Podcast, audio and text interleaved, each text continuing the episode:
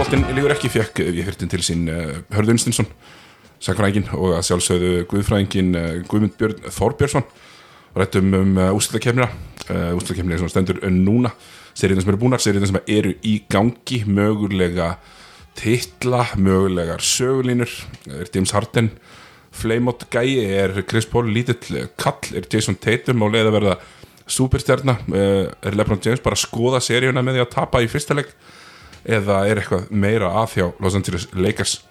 Fórum yfir þetta allt og miklu fleira. Hérna boltin lífur ekki að sjálfsögði bóði Dominus, Miðherja og Kristals.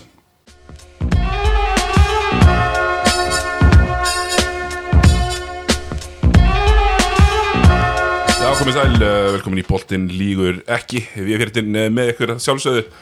Og eh, með mér í dag góði gæstir Hörður Unstinsson, sagfræðingurinn Góðan dag ætlaður og Guðmundur Björn Þorbjörnsson. Rúvari. Já, og dags, dagskrafgera maður og, og hérna, borginsingur Ég veit, já, verður ekki svona svolítið að kannski að kynna gumminn svona sem uh, alltaf flesti þekkja núr hérna úr heimskviðum. heimskviðunum. Uh, Guðmundur, þú er samt mikill körubólta áhuga maður, ekki satt? jú, ég er mikill körbált áhamaður en, en samt algjör amatör á því séði og svona fylgist með úr fjarlægð sem verður auðvitað mikil nálægð svona stökusinnum sko, eins og núna í, í búblunni, ég er búin að fylgjast vel með, finnst mér þeir eru kannski ekki sammála en, en hérna en jú, þetta, þetta kemur í svona bylgjum. Já, þú dettur svona inn út. Já, ég var mjög sterkur til dæmis svona hvað, svona 2006 til 2010, 11 Já. Svo Þú getur þulið mörg ár. draftin frá Já, það er, er hérna þannig að, að Guðmundur er svona eins og ferillina Sprand og Rói, hann er þarna. Já, einmitt. Já. Já, já, og ég er svolítið eins og Tyreek Evans Já. líka, þú veist, ég kem hann inn sterkur, 25-5 já, og svo bara hverfi ég, sko, Já, veist, en reyndar Tyreek Evans hefur ekki komið comeback, Já hann komið smá comeback. Smá. Og fór, fór beint í lifumann þannig að þú veist, já, einmitt. Að Ég er alltaf persónulega mjög ánægður að fá það tilbaka á, á NBA-vagnin sko. Já, og, hérna, Gott að heyra. uh, Bara, ég get loðað því að það koma, koma takes frá þessum manni í dag já, mér líst vel á þetta. Hérna, alternative takes, Alternative takes. Uh, Bolti lífur ekki að sjálfsögði bóði Dominos uh, Dominos uh, búin að stoltu styrtaræli körfunar í, í mörg ár og hérna uh, þið getur nota afsláttarkóðan karvan.is til þess að fá 30% afslátt af matseli uh, Svo er að sjálfsögði bóði í, í bóði Egil's Kristals Þarna, engin uh, sound effect sér heldur hörðu bara að opna sér eitt grænan. Uh, Gummið líka með grænan í dag og sjálfur er í bláum. Uh, munið að það sést hverju drekka Egil's Kristall um, Já, og Davíð segir að ég mun að vera alltaf að munna að segja hans er tannvætn líka tannvætn Já. það er, er að koma fram. Hérna og svo er sjálfsögðu boltilíkur ekki í bóði miðherja. Miðherja langt besta íþróttaveri vestunni landsins og býður upp á hágja eða köruboltavörur og við erum með tippleikin okkar sem að þið tókuðu mörg hver þátt í. Og ég er sjálfur komin í tómt rugg í þeim leik með, með Milwaukee Bucks. Og við kannski bara byrjum þar. Eh, Milwaukee Bucks eh, eru komnir eh, í djúpa hólu. Sem að enginn hefur komist upp úr. 3-0 og Jannis stefnir í það. Að hann þurfa að taka við MVP stittunni sinni út í garði eða nóg gott veður. Já, þeir eru bara konur í hólu sem þeir komist ekki upp úr. Mm. uh, Það er bara staðrind Eftir innan leiki nótt þú veist, Þeir eru með 12 stega fórustu fyrir fjóraðleikluta og hvað endur ég að tappa fjóraðleikluta 40-13 40-13, bara vandræðalegt sko. Já. fyrir lið sem að hérna, var með besta rekord í dildinni og öllum, öllum mólaustöðum að vera svona favorites inn í, inn í búblunni þá er þetta bara búið algjört hrun í þessari seríu og eitthvað sem við töluðum alveg um fyrir úslitakefna að Janis hefur ekki ennþá sínt að að hann geti klárað seríu þegar allt er undir þegar er verið að skíma mótunum þegar er að búa til plan til að stoppa hann. Hann tristir liðsfjölun sínum, jú en svo spyrir maður þessi, tristir, veist, tristir Butenholzer honum til að spila meir en 35 myndur í leik, getur við getur við, hérna, getur við fengið mannin allavega í 40 myndur, eitthvað tíman í þessari serju Mér finnst þetta algjörlega var fáránlegt Mér finnst þetta, fáránlegt. Ég, hérna, ég er búin að vera svona pyrrast á þessu. Uh, Ekki bara í ár heldur líka í fyrra Í Bucks, hjá Bucks. Að þeir hérna, Jannis uh, Spilar eitthvað eins og þið vitið, tölum um hérna Við munum tala um Toronto, Boston hérna á eftir. En þar spilaði bara Kyle Lowry 46 mínútur í möstun leik og þeir unnu af því að það þurfti. Staðan er 2-0, Já. það verður ekkert lið komið upp úr þessari hólu, þú verður að vinna hennar leik. Já. ekki kvíla Janis í 13 myndur Nei, en þeir verið 35 og halva í, í hérna, í sérhinni Þetta er maður á sko, þetta er eh, svo massíft hérna, líkamlegu præmi að það er einhvern veginn engin meðsla saga heldur. Þannig að þetta er eh, mjög einkennilegt. Og man, munstu, man, þeir, þeir voru að byrja á rönninu sínu það er svona 8-9 mínútur eftir í fjórðarleikli og hann tekur leikli út um sér kemur út úr leikli og hann er búin að taka Janis út af aldrei, þú veist, hver er og hann er komið Marvin Williams Já. inn á Guðmundur, þú maður þetta er Marvin Williams Jú, jú, svona 2006 draftinu. Jafnaldrokkar. Einmitt. Og, og þú veist, 2005 maður er draftinu. hver er betri, hver er betri rönnstoppur heldur en besti leikmærin dildinni, Já, sko, það verðist bara, mér finnst bara pínu eins og hérna, sko, minn maður Jimmy Butler er náttúrulega bara búin að setjast á þessu serju pínu, að miklu leiti það er svona hann fittar náttúrulega vel inn í Miami kultúru og einhvern veginn búin að klára, klára þessu leiki þótt hann hafi ekkert verið eitthvað stórkustöður í leik 2 þá þegar það þarf þarf körfið, þá fyrir hann að sækja hana eða allavega tekur skotið. Hann færi kæðunar og Jannis þarf augljóslega finnst mér og það er sem dilst engum í dag það þarf ykkur að koma og koma til hjálpar. Það liggur fyrir. Já, e- og er sá maður virkilega Chris Middleton? Nei, augljóslega ekki. Ég held að, ég held að að þú hérna, það meina í stóra saminginu Í stó- já. Sko, þegar ég horfði á hann leik í gær ég horfði á hérna síðarháleikinu þessu leik og með mínum leikmannagum að þá virðist þetta vera þannig að eða veist, það fyrsta sem ég hugsa er er ekki bara, erum við ekki bara ofmeta regular season? Erum við ekki bara ofmeta það hvað lið eru góð á regular season? Því að það var ekkert í leik Milwaukee í gær sem var að segja mér að þetta lið væri championship contender, ekki neitt þú veist, Jannis sem á að vera langbæsti og er langbæsti leikmærin í þessu liði og þú veist, besti leikmærin í NBA í dag hann er samt einhvern veginn það eru ótrúlega miklar og margar takmarkanir þarna, hann er að taka allavega þegar ég er að horfa þá var hann hann 0-4 í þryggja akkur er hann, að- er hann að taka skot þú veist, akkur er hann gera þessar hluti? Svo þegar hann gerir það sem hann áverið að gera þú veist, dræfa og taka sér spinnmú og tróða þarna frá vítilínu og eitthvað, þetta virkar en þetta, þetta, er, þetta er allt einhvern veginn þetta er svo ótrúlega svona, þetta virkar bara svona hrátt og óskipulagt. Og auðvitað, auðvitað er þetta ekki þannig en lið sem á að vera sko að berjast um mestartitilin þú myndir halda að það væri einhvern veginn stærri rammi utan um það hvernig við ætlum að tækla svona aðstæður sko. og þeir voru komnir með hennar leik. Þeir voru hvað nýju stigum yfir þegar að, hvað voru þetta, þrjár fjóra mínútur eftir eða eitthvað? Eða já, eitthvað aðeins meira. Þetta, er svo, þetta er ótrúlega brotætt og bara ótrúlega lélegt sko. á móti, þú veist, liðið eins og Miami sem er gott lið og allt það. En þú verðist ekki geta ég veit ekki, ég veist, orðið karlmenni það stundum notað sko. Ég, ég, ég veist, ekki það að vera karlmaður að, þú veist, það sé eitthvað svona macho eða eitthvað þannig heldur, þú veist, það, það er eins og það vanti þarna sko einhverju menni í þetta lið sem eru sem taki nægilega ábyrð eru ég veit ekki, veist, saman í þessu þetta sé nógu mikið lið, eitthvað svo liðs það mann finnst maður hýttur að fullta þessum gurum það er í, sorry, það er í Miami. Jimmy Butler, ég dreif tilbaka allt sem ég hef sagt um Jimmy Butler, ég horfði á hann leik gær. Jimmy Butler er ekki besti korfbáltamur í heiminum eða eitthvað svo leiðis og hann er auðvitað mjög skrítið eitthvað. Saka þessari skilgringu, já, Karl Menni veist, hann er, hann er þarna hann berir þetta lið uppi og bara bara keirir þetta áfram, að hann er bara eitthvað svona proven winner.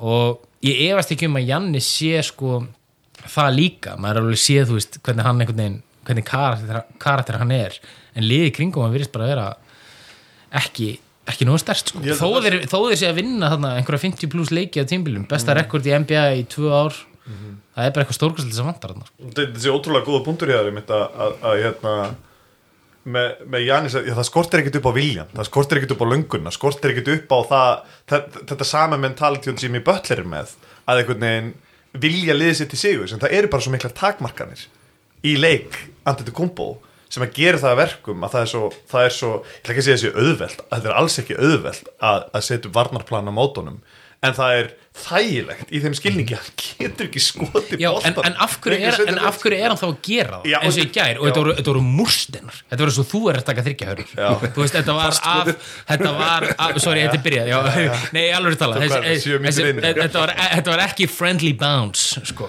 boltin var að detta bara eitthvað út á hliðlínu sko. Já, já, Þetta er bricks. og, Já, og, og, já, og ég, ég veldi fyrir mér af hverju þetta taka sér skot? Er enginn annar sem er að segja þér við ætlum ekki að spila svona. Þú átt ekki að þurfa að lendi þeirri stöðu og að vera að taka sér skot sko. Já, ég, ég er svo sem alltaf verið alltaf proponent að taka eitt svona í hálfleik. Eitt, eitt, tvöð og verið heitur ok, allt í lagi. taka eitt, eitt í hverjum hálfleik. Hérna, mér veist, hérna, svo náttúrulega fyrir mann sem fer svona mikið að körunni hann verður að bæta vítanýtinguna sína. Það gengur eiginlega ekki að, hérna, að vera fjórar af tólf eða fimm af fjórtán eða eitthvað svona. Það þarf að hætta því. En svo sér maður líka bara að hann kemur við sjáum svona stillmyndir af þessu þegar hann kemur upp með boltan upp öllin í svona semi-transition þá er Miami hitt bara búin að byggja fjóramanna vegg og býð eftir honum. Að að þeir, þeir mitt drullu saman þó Pat Connaughton takki í semi-contested drist eða Mario Williams takki í semi-contested drist og þeim er meira sér saman með J- Chris Middleton í setniháleik Chris Middleton er flottur í fyrirháleik fýtt nýður eiginleik og svo gerist bara voðalega lítið verður að vera veiknast um, Búdinholzer talar um hérna regular season á hann Búdinholzer er búin, að leysa regular season. Hann er búin að vinna 60 sigra með tveimur liðum uh, alltaf bara í öllum tölfræði þáttum eru liðin hans mjög hátt uppi. Bæði, bæði vörð og sókn og svo kemur hann í ústakefnina og það eru eitthvað lausnir þar sem hann virðist bara ekki finna. Og ég held að það sé nokkuð útsýðum það að, að hérna, hann, ef þeir verið sópað út að, að, hérna, að hann verði þar áfram ekki nema Jannis gerir hreinlega kröfu á það því hann náttúrulega er að fara inn á síðasta samlingsverðu sitt. Þetta, er líka, þetta er svo vandrarlegt að þið sko eh, Þetta gerist líka með Atlanta. Þegar þið náðu þarna fyrsta setinu Hvert var 2017 líklega. Ja, 16. 16 já. Að þeim er sópað út Skilur, jú, jú, vissulega af, af, Af Cleveland. Já, já, Mhm. og Lebron og allt það En, en það er það, það er, þetta, þetta, þetta er svo skammarleg leið að kasta sér út þegar þú átt að vera besta liðið í dildinni Já. með besta leikmannin, ekki bara besta Nei, leikmannin, heldur besta varnamannin í dildinni ekki og þá er ekki breyks þeir eru ekki að spila mótið 60 sér að góðin steitliði sko. Það. þeir eru að spila mótið fínu maður í hýtliði Fínu? já, fínu, Já, ekkert meiri það. Já, ég mitt, uh, með mitt er svo gummi myndist á með Karlmennin sko, að, Goran Dragic er annars svona. Ég mitt menna sem hún er fullkomlega óstöðandi í þessari serju þegar þeir eru engi svöruðurum í, í, í Bucks og hérna hann er hérna Goran Dragic náttúrulega með ákveðna reynslu í þessu sem svona gótu skorari í landsliðinu sínu til dæmis, þó hann er að spila þetta með Luka þá er Goran Dragic Hann var maðurinn. hann var maðurinn og, er svona endakall þegar kemur að Európboltanum mm. -hmm. heimsboltanum er hérna öru að hérna það er ég, ég setur rosalega spurningamarki við því að það sé engin í þessu Bucks liði sem að sem getur unni manni sinna driplinu og komast að körunni sko. Ég held, ég held að það sem sérstaklega að segja er að það er engin proper slavi í Bucks nei, Eh, Þú ert með sko, það næsta sem kemst í er sko Ilja Sova, hann er Tyrki Já, eiginlega Kom út fyrir það. sko. Já, en hann er, út fyrir frá, það. hann er með frábæra þreytist ekki á uppáhald samsæriskenningunum minni sem er náttúrulega Ersan Ilyasov, sé ekki Tyrki heldur sé frá Úsbekistan það sem hvarfa maður að nafni Arsen Ilyasov Hmm. að hérna hvarfa landamærum uh, Tyrklands og hérna, hvort það var Úsbekistan Ná ekki Armenia. Nei, á Úsbekistan Já, Ús- Úsbekistan og, og allt í einu er Ersan Ilyasova kominn, hann á ynga yngri landsleiki fyrir Tyrkland eða eitthvað þannig sko. Allt í einu bara orðin NBA-leikmaður þetta er mjög, þetta er mjög fyndin, fyndin saga. Það er þetta, hérna, það er þetta, þetta fletta þessu upp með mjög skemmtileg samsæriskenning þannig. En já, það er engin, þetta er alveg rétt Það er engin sem getur brotið, brotið niður komist inn í saumana eins og það er kallað. Það er ekki meiri blödd svo, en það er bara át af kontról ruggl eitthvað. Já, já, og þú veist, eini sem ég fannst vera actually viljugur til þess í leiknum ég ætla að undir restinni gær þegar hlutinni voru farin að, að hérna, dögna fyrir það var, var, var George Hill. Þú veist, 34 ára gammal George Hill. Eins og- Joel Matip. eins og þi- hérna, fyrir týrættum hörður um, um, um hriðverkamenn Er hriðverkamæður í Milwaukee? Það er engin manni með Lúkbáks Chris Milton, við skulum kannski útskýra fyrir hérna, hlustundum að þegar við meinum orðið hriðverkamæður þá meinum við það í mjög hérna, einangrum skilningi innan körfuboltans að maður sem getur bara tekið boltan og búið sér til körfu, búið sér til skot og ef hann býr sér ekki til skot eða körfu þá býr hann til skot fyrir einhvern annan liðsfélag sinn. Það er enginn þannig í þessum Milwaukee Bucks liði uh, Janis á augljóslega að vera það en það er vandamál, þú ert ekki hriðverkamæður þú ert ekki propp hriðverkamæður nefnum getur hitt á þessum skoti fyrir utan sko. Mike Denuno til dæmis inn á Íslandi Nick Thompson Nei, ok, ok, ég get alveg sagt, veist, Janis er náttúrulega superstar. Og hann, kannski, og hann er kannski út fyrir þetta hriðverka manna uh, narratív Já. en, en þú veist að það sé eins og svona CJ McCollum svona típur, Einmitt. þú getur svo þetta já, Chris Middleton, en það er hverki sjánulegt í þessari seríu. Nei, þú þarft að búa til skot fyrir Chris Middleton. Þú þarft að hlaupa eitthvað fyrir hann Hann er spot-up skotmaður. Það er munur að vera spot-up skotmaður og það sem við erum að kalla hriðverkamann Já, frábært skotum skotum með mér sér sko. Já, bara- bara Hann er frábær. 50-40-90 Hann, ykkur eins og við, um að sagt það Hann er geggjaður þriðibanana Já. En hann er ekki, ég ætla ekki ömulur En hann er e- ófullnægjandi annarkostur Já, mér er Milwaukee Bucks eh, fyrir mér þeir ætla að halda hérna, Jannis sem að, og ég er svo sem líka mikið proponent af það að, að svona stundismjöð þess að ekki, ekki fara í það að hann á ára eftir, nú förum við og treytum fyrir mjög miðlungskalla því annars fáum við ekki neitt fyrir hann. Þetta er betra fyrir Milwaukee Bucks að fá ekki neitt fyrir hann hann bara, hann bara missa hann. Og vera þá bara tilbúinir að bóta mig út sko. Já, pluss þetta er markaður og þetta er- þetta fransæð sem að, eh, þú veist. Ég er að segja það, þeir fá ekki frí agent þú veist, það, er, hérna, capspacið gerir ekkit mikið fyrir á ég held að hérna, þeir þurfi og þeir muni gera í sumar að vera að gera breytingar í sumar hvort sem verður búðinhólsir eða það verður alltaf að gera breytingar á leikmannahófnum það verður fundin, þeir verða að finna eitthvað sem getur um mitt búið sér til bara góðan tvist í, í, í lokin. Að hérna þar erum við að tala um þú veist, samningarnas uh, sem til að samningarnas George Hill, Ilja Sova og Bledsoe það er, það er 35 miljónir cirka, þannig að það er max leikmaður eitthvað starf Chris Paul? Já, til dæmis, já, ég held að Chris Paul var perfekt í þetta með lóki bakstið, þetta var hann nú svo hérna, Chris Paul var með heartfelt message til Oklahoma aðdáta sem að var svona pínuð svo að hann vita hann sé á leiðin í byrtu Já. En það allavega vantar eitthvað þannig, ég meina, hugsaður að Tími Böllin var í þessu bögslið, þá er þetta nú Já. aldeilis að, að dansa sko. Ég er ekki viss, ég held að Milwaukee glýmið við starri bölvun starra, starra, ég held að vandamáli sé starra heldur en Jannis og aukaleikarnir og eitthvað svona, það er bara markaður það er bara að Þetta sé Milwaukee í Wisconsin. Já, Hefur komið, hefur ekki komið til Milwaukee í Wisconsin? Ég hef kert hana í gegn. Já, verið í. Wisconsin já, já, já, ég hef bara kert í gegn. Já. En þú veist, burt sér frá minni persónulegu reynslu af Wisconsin þá held ég einfallega þessi markað og ég meina það sem að les og sér er, þú veist, það er alltaf að tala um hérna ég meina, hvernig er orðað þetta, low market hérna, teams eða eitthvað svona sko. Og þú veist, sem er ekki Lakers eða Knicks sko eða, þú veist, önnur, önnur svona stórlið ég held að sé einhver bölvin yfir þessu. Ég held að Milwaukee Bucks séu sko tindastól Já, Milwaukee Bucks er, er já, áfram, haltu Milwaukee, Bucks er tindastól taktu sauðakrók burt úr tindastól og hvað ertu með eftir? Nú erum við konir í böbluna skilur þeir eru með þarna, með einhverja crazy fans þarna í Wisconsin sem að, þú veist, lifa degi fyrir körubólta Fear the deer. Já, einmitt, af því að það gengur svo vel akkurat núna og svona, svo er bara komin þarna í eitthvað í Disneyland, skilur og þú ert ekki með neitt. Þú veist, það er ekkert sem stendur framar á búniðinum það stendur Milwaukee Bucks. Það stendur þú allavega Lakers framar á búningnum hjá LA Lakers Já, er þig. það er eitthvað saga þarna, það er eitthvað þú veist, það er bara búið einangræðig þú veist, hérna það er engin Kári Marísson í stúkunni, skilur þetta er bara, það er ekkert að gerast. Veist, þetta, er bara, þetta er bara sveita lið sem að einhvern veginn er ekki já, ég held, veist, ég held, ég held sé bara ekki nógu stórt og það muni aldrei geta verið nógu stórt. Veist, hvert, hvað er attraksjoni við Milwaukee? Þetta er ekki þetta, Nei, nei, og Þetta er ekki sjálfbært. Nei, nei, og Þetta er ekki sjálfbært. Ef þú ætlar að flytja á þetta svæð, þá flyttir bara til Chicago Það er klukkutími. Uh, hérna, er í þessari, þessari líkingu er það Cleveland, uh, Cleveland er, er það stikki svona eitt titill með Mjög gott. eitt, Já. eitt titill með generational leikmanni eins og Hlynur Bæriksinni já, skilur? já, mögulega, mögulega sko, mögulega. Ég held samt að Cleveland hafi ekki sko, ég hef ekki komið þangað en ég ímynda mér að það hafi ekki sama sjarm á stikkisólum Nei, veist, það er einhver sjarmi við stikkisólum sko. en þú veist það er oft talað um Cleveland eins og bara algjört, einhvern veginn algjört þrótt sko. Já. stikkisólum er það ekki sko. nei, nei og Sauðakrókur er það ekki heldur en Milwaukee er heldur það ekki en þetta er þarna uppi, norðarlega þú veist, það er stemning í kringum eitthvað eitt, skilur, núna er það körubolti Já. gengur vel, gaman þú veist, ef að ég meina þetta getur dáið mjög fljótt hjá tindastól, sko Þetta er líka fótbolta, þetta er sko fútbolsvæði, þetta er Green Bay Já. Þetta er Green Bay. Packers Já, já. Þannig að Milwaukee Bucks verða dabrir þá er ekkert að frétta. Veist, eins og þú, segir að það er auðvitað, núna segir, eitthvað að gerast og þá er fólk að mæta á það smá stemning og hörum MVP-deildarinnar og eitthvað svona. En ég meina það er, ég, ég get alveg tekið undir þetta. Mér finnst bara on-court produktið vera það gott allt, yfir allt árið. Og mér finnst þeir einhvern veginn hafa farið svolítið mér finnst þeir líka hafa farið svolítið út úr því. Mér finnst þeir hafa mist trúna í fyrsta leik á gameplaninu sínu. Og hérna sem tapast á einhverjum hérna, hérna feita við stökkskotum sko. Það sem að þeir geta einhvern veginn ekki svarað og það er bara story of the series sko. Þeir geta ekki svarað þessum rönnum sem maður minna er að fara, í, fara á í lokin. Þeir ná ekki að binda saman tvær körur. Þeir ná ekki að hérna, binda saman eitthvað stopp. Og svo líka sko, klára hann að punti, það er engin, en, engin ekkit fanbase sem er súrara á internetinu heldur en Milwaukee Bucks fanbase, ekki það ég sé mikið á einhverjum, einhverjum plattformum en það er víst alveg umtalað að það er engin, það er engin svona hörundshárari.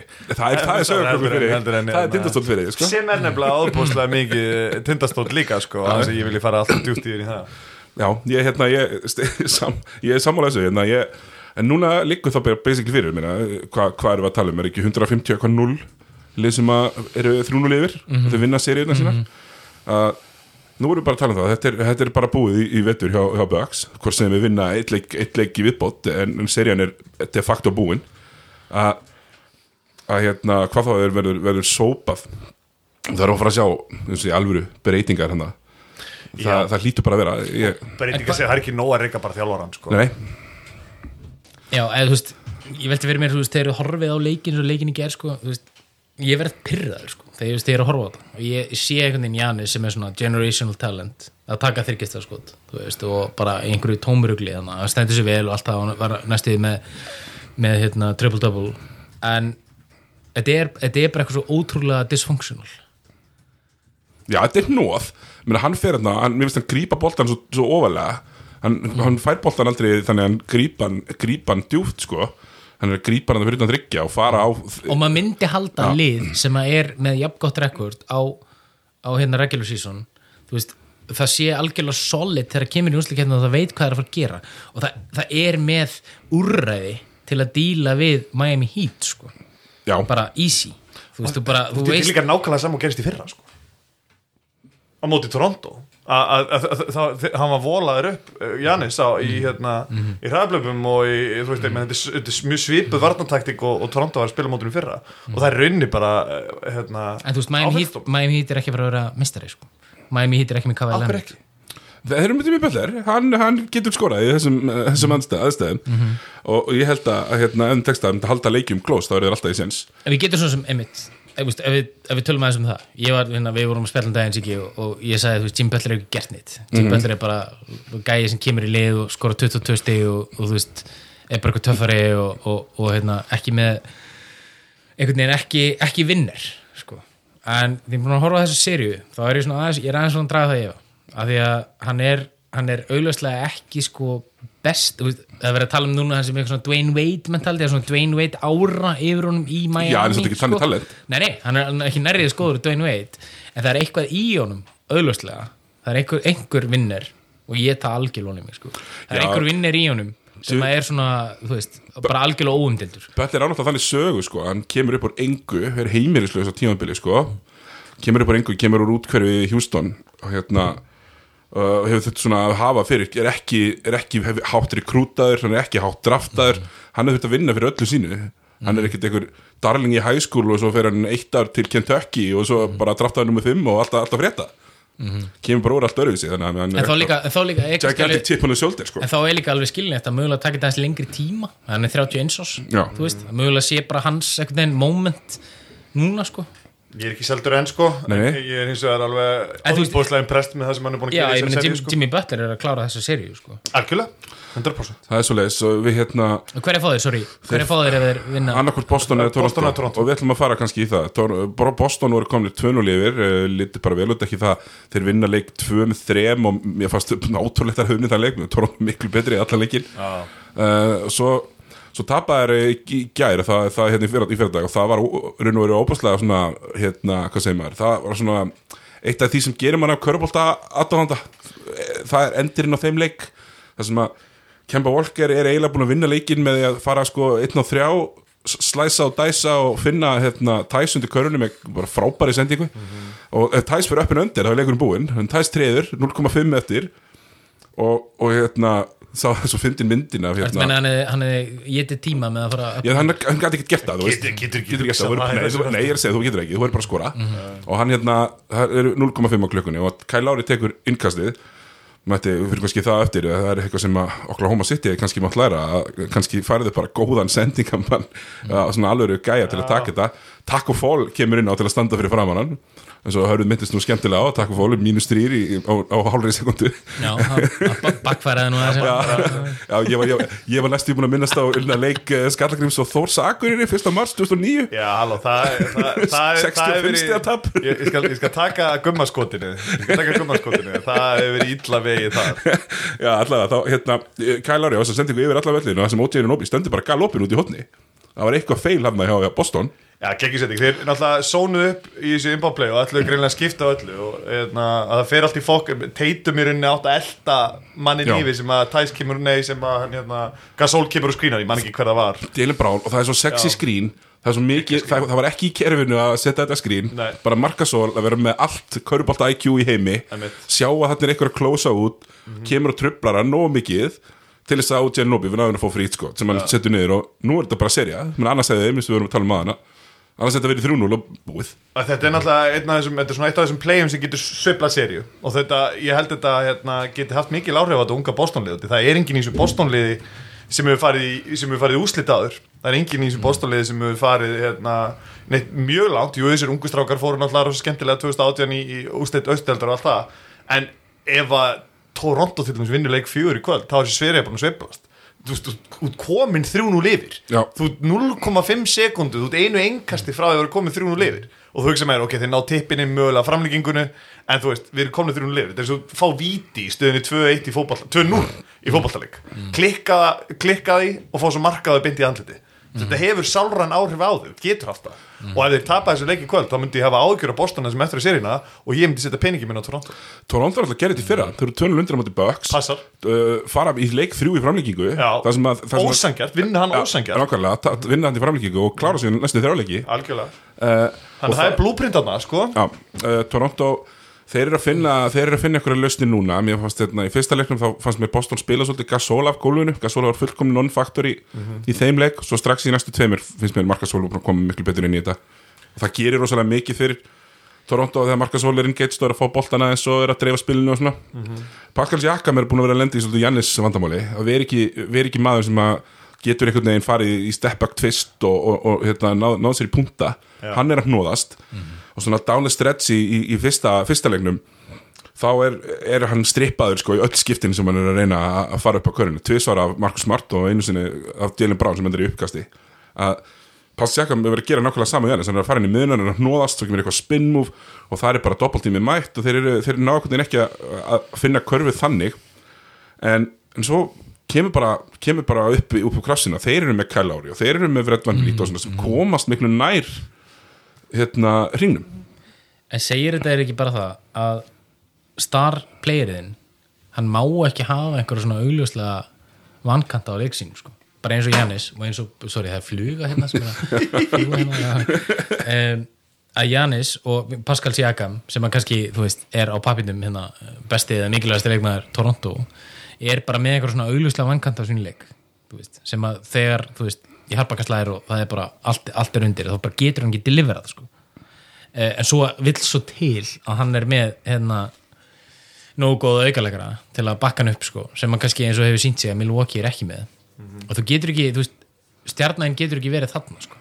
Nei, ekki, ekki ef þú ætlar að, ekki ef þú ætlar að hérna, þú ert ekki með svona gæja eins og, eins og, eins og, Kyle Lowry og Fred Van Vliet sem að eiga báðir bara hérna, 30 stegi leiki í finals á móti, móti Golden State skilur hérna, hörður, Boston uh, það er hægt að þreita þetta Bostonlið, menn þeir eru, þeir eru basically bara 5 Klála, þeir eru mjög, eins og við töluðum um hérna með kjartani fyrir úrslutikina, þá eru þeir mjög þeir eru, þeir eru mjög grunnir í rauninni, þetta er ekkert ekkert þetta er ekkert alveg, þetta er ekkert að þú vilt hafa miklu meiri breytt, vilt allavega hafa áttamanna kjartna sem þú getur treyst í úrslutikennni en, en, en þessir, þessir ungu leikum og Kemba Walker er náttúrulega byrjað að spila frábælega núna í síðustu leikum og mjög flottir í þessum leik þrjú uh, sem er runni Boston átt að vinna en eins og talaður um aðan þá átti Toronto að vinna leik tvö sko. þannig að mér finnst þessi, þessi seri óbúslega áhugaverð og, og mér að mínum að er þetta bara að tvekja bestu þjálfara deildarinnar mínum að er þetta bara að tvekja bestu svona, svona kalla, tingjara deildarinnar. Uh, Brad Stevens fór aðeins fram úr sér með þessu inbound play login og, og hérna, það gæti aftur að stíska áhrif en uh, hérna hvað hefur þú gert þarna? Hörður? bara, þú spila bara maður og mann. Þú, þú fer ekki ykkur svona, ykkur krúsidúlur þegar er 0,5 sekundur eftir á leik mér, hérna, uh, mér fannst Houston gerir það vel á móti Oklahoma, þess að mér ignoruðu bara innbáturinn fullkomlega, voru bara, þeir voru ólítil tími til þess að fá hann aftur. Emitt hérna, þannig að svo sem tekur yngast er non-faktor eftir að hann gefur sendinguna. Já, já. þannig að þeir, þeir fóru bara 5 og 4 og sp- spiluðu þannig. Það er til þess að svara fullkomlega þessari yfirleitislega spurningu. Já, ég bara, ég veist að get ég alveg þér það? Coach þú- Hörður hefði gert þarna á Já. þessu momenti Það- þegar er 0,5 sekundur eftir þá náttúrulega tristi Brad Stevens líklega og hann ætlar að fara að svæða upp og, og, hérna, og passa að það kom ekki eitthvað í átt að körfunni. Og, þú veist, og þetta er náttúrulega einn af hundra, eitt af hundra skiptum þá gerist þetta þú veist, þá kemur eitthvað miscommunication í, í skiptingunum og þú fær galopið þryggjastarskot þú átti ekki að geta fikið galopið þryggjastarskot á 0,5 sekundum sko. það á bara á ekki að gerast sko. þannig að hérna e, já, og eins og ég segi, þetta var eitt af þessum svona freak playum sem við höfum séð í gegnum tíðina sem að getur sveifla serjum og ég held í alvörina að þetta, þetta gæti sveifla serjun í, í, hérna, í, í átta að Toronto serju Já, Toronto náttúrulega, eins og tölum um hana hérna, þeir, þeir hérna sjá fyrir þarna sæng sína upp, upp ritta en í staðin fyrir að vera litlir í sér og hugsa, ok, við gerum bara eins og sjáum hvort við náum að vinna. Þá kemur Kellari að spila 47 mínútur OG Ananobi spila 46 mínútur Freddan Lít spila 41 mínútu og þeir ætluðu bara að vinna. Það var bara, þú veist, vinnur go home mentality sem að það, það þurfti að vera þarna og þegar Kyle Lowry kemur og tekur 23 skot allt í henni hann orðin sko, svo sem tekur flest skot í, í liðinu versus hinnalegina, mm -hmm. skorar 31 stig og er bara geggjaður eins og, eins og mér reynda finnst Kyle Lowry vera geggjaður sko. hundur, sko. alltaf út um allt alltaf að reyna að taka, taka rauðninga svona eins og við sjáum þetta oft við leikmenn á setni stegum ferilsins þegar ja, vartalegur verður ræðis erfiðari. Já, þetta Já, þá þetta er ég, að fara, fara mikið í rauningin sko um, En er ekki, er ekki Boston að fara, þú veist, einmitt keira á þetta, þú veist, ég meina Toronto er eldra lið, Kalori er hvað, 34 ára, Marcus Hall 35 ára. Þú veist, þú talar um hvað er að spila 40 pluss mínútur í leik. Er þetta ekki Jason Tatum bara að fara að taka yfir í kvöld? Ég get alveg trúið því, hann er 5 á 18 í síðasta leik og, og hérna, átti ekki, ekki sin, sin besta leik Þú er aldrei verið mikill uh, Jason Tatum að Nei, ég hef ekki verið það, en ég er svolítið eins og með Jim Butler, ég er svolítið að geta það honum mig, með það er eitthvað, það er eitthvað við hann núna sem ég er svona uh, ég er ekki tilbúin að segja að ég er superstar. Nei. En uh, Þú sér leiðina. ég sé leiðina sko, þetta gæti alveg Sann 22 sko. Já, já, þetta gæti alveg ekki gerst sko. Í- þú veist en, en hérna allavega eins og staðan er núna og í þessu mómenti í úslakeppninni þá var hann veist, þeirra almaður og, og hérna á að berið uppi og ef þeir komast áfram þá er það hans Algjörlega. Fyrst og fremst. Já, hann er búin að vera flottur og þetta er erfitt með, þennleik þannig að það kemur auðvitað að kempa á, uppáslega fína leik. Jalen Brown sem ég kallaði á sín tíma hans ceiling var í Harrison Barnes það er nú aldrei lesa ekki að rætast hjá mér. Uh, hann er hérna 9-15 með 19 stig í þessum leik og spila 40 mínútur en Boston er látið heyra það. Já, það, það er þannig, þeir eru með kvittanir sko. hérna, svo, svo ertu sko, bekkurinn hjá, hjá þú veist, þeir eru að fá Sergi Bakka begnum Raptors og þeir eru að fá svona, það eru kannski aðeins svona meira kompetent mínútur heldur en Grant Williams spilar 18 mínútur hérna, uh, Grant Williams uh, 18 mínútur og spilar eiginlega sko, sem þristu fjarki 17 mínútur Já, Brad Wanamaker tekur 0 frákast Grant Williams Galið, sko. Já, þetta, er, þetta er mjög svona Brad Wanamaker er mitt að spila mikið, Brad Wanamaker var náttúrulega algjör player í, í Európu eh, Semi Ótsileg með 13 mínútur meðal leikin Já. sér séri sko. Þannig að, já, þú veist, þessu veist, og ég meina, Grant Williams er áttundi maður Brad Wanamaker er sjöundi og Grant Williams hérna, Já, er eitthvað Robert svoleiðis. Williams sjötti skilur Þeir eru léttir. bræðir hérna hérna, uh, í næsta leik þá, þá þarf vantalega hérna, eins og við sjáum alltaf hjá þessum tveim þjálfurum, það er mitt eins og höru kallað og bestu tingar hana sko. Það kemur alltaf eitthvað svona lítið uh, lítið svar og, og hérna, mér varst Toronto það var ekki bara Jason Tatum að klikku skotum mér fannst þeir lóta upp á hann.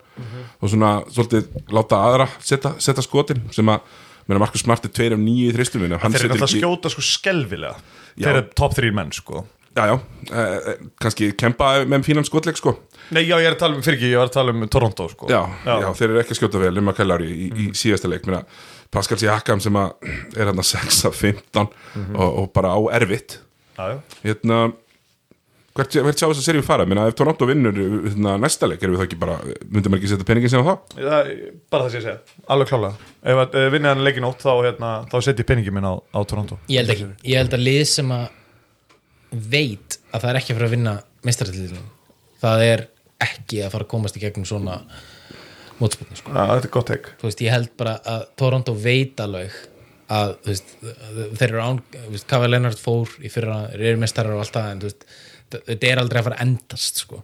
og þegar, þú veist, það er eitthvað svona líf tekið úr þér sko. þegar þú, þú veist, lendir tjónulendur í auð og vinnur hann eitt tilbaka og eitthvað vinna í kvöld, ég held að það sé ekki það sé ekki fara að gera neitt sko. Ég held- þú ég heldur held að hafa sé- ekki trú á því sjálfur Nei, ég held ekki, ég held ekki. Ég held að þú veist, þeir berjast, þetta eru atvinnum menn og voða professional gæjar, Mhm. örgulega þú veist, mun þroskari heldur en meiri hlutina hérna liðinu þannig í, í búblunni og búinir að vinna titil og eitthvað svona. Og það er ákveðin, það er ákveðin saðning í því sko, Já, já. Veist, En heldur að Boston síðu þar?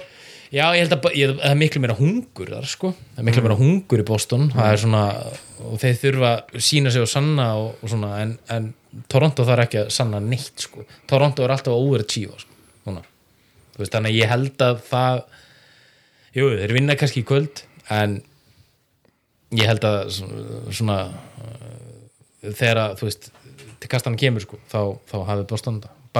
held, og ég held að sé út af þessu, sko. Já, Toronto veit að þeir eiga ekki séns. Það, það er auðvitað þannig að, að mér finnst allavega sérstaklega austanmegin, kannski ég er og líka vestanmegin, það er gallar í þessum liðum Ég meina, Boston er alltaf ekki fjarrri því að vera gallalust lið sem að Toronto auðvitað eru ekki heldur.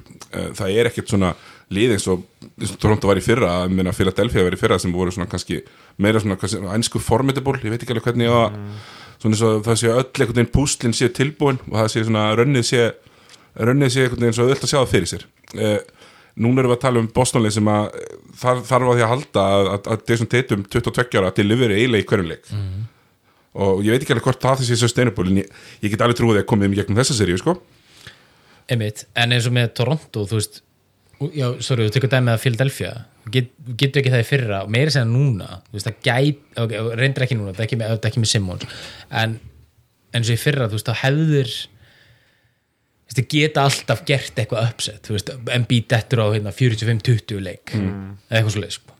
og þú veist, en það er ekkert, er ekkert svoleiðis í Toronto, veist alveg hvað þú ert að fara að fá, það er enginn hérna í þessu liði sem er að fara að eiga einhvern leik sem að, þú veist, er algjörlega að fara að blow your mind og, og þú veist, bara, bara eitthvað svona freakshow sem að klára seríuna, sko. það er ekki að fara að gerast sko. þetta er lið, þetta er lið, þetta er gott lið góð liðseld, en ég held svona heilt að liði eh, heldur við sem alveg komin út úr uh, þeim fasa sem að NBA var í fyrir nokkrum, ekki, ekki mörgum missurum síðan að lið geta unni meistartitil?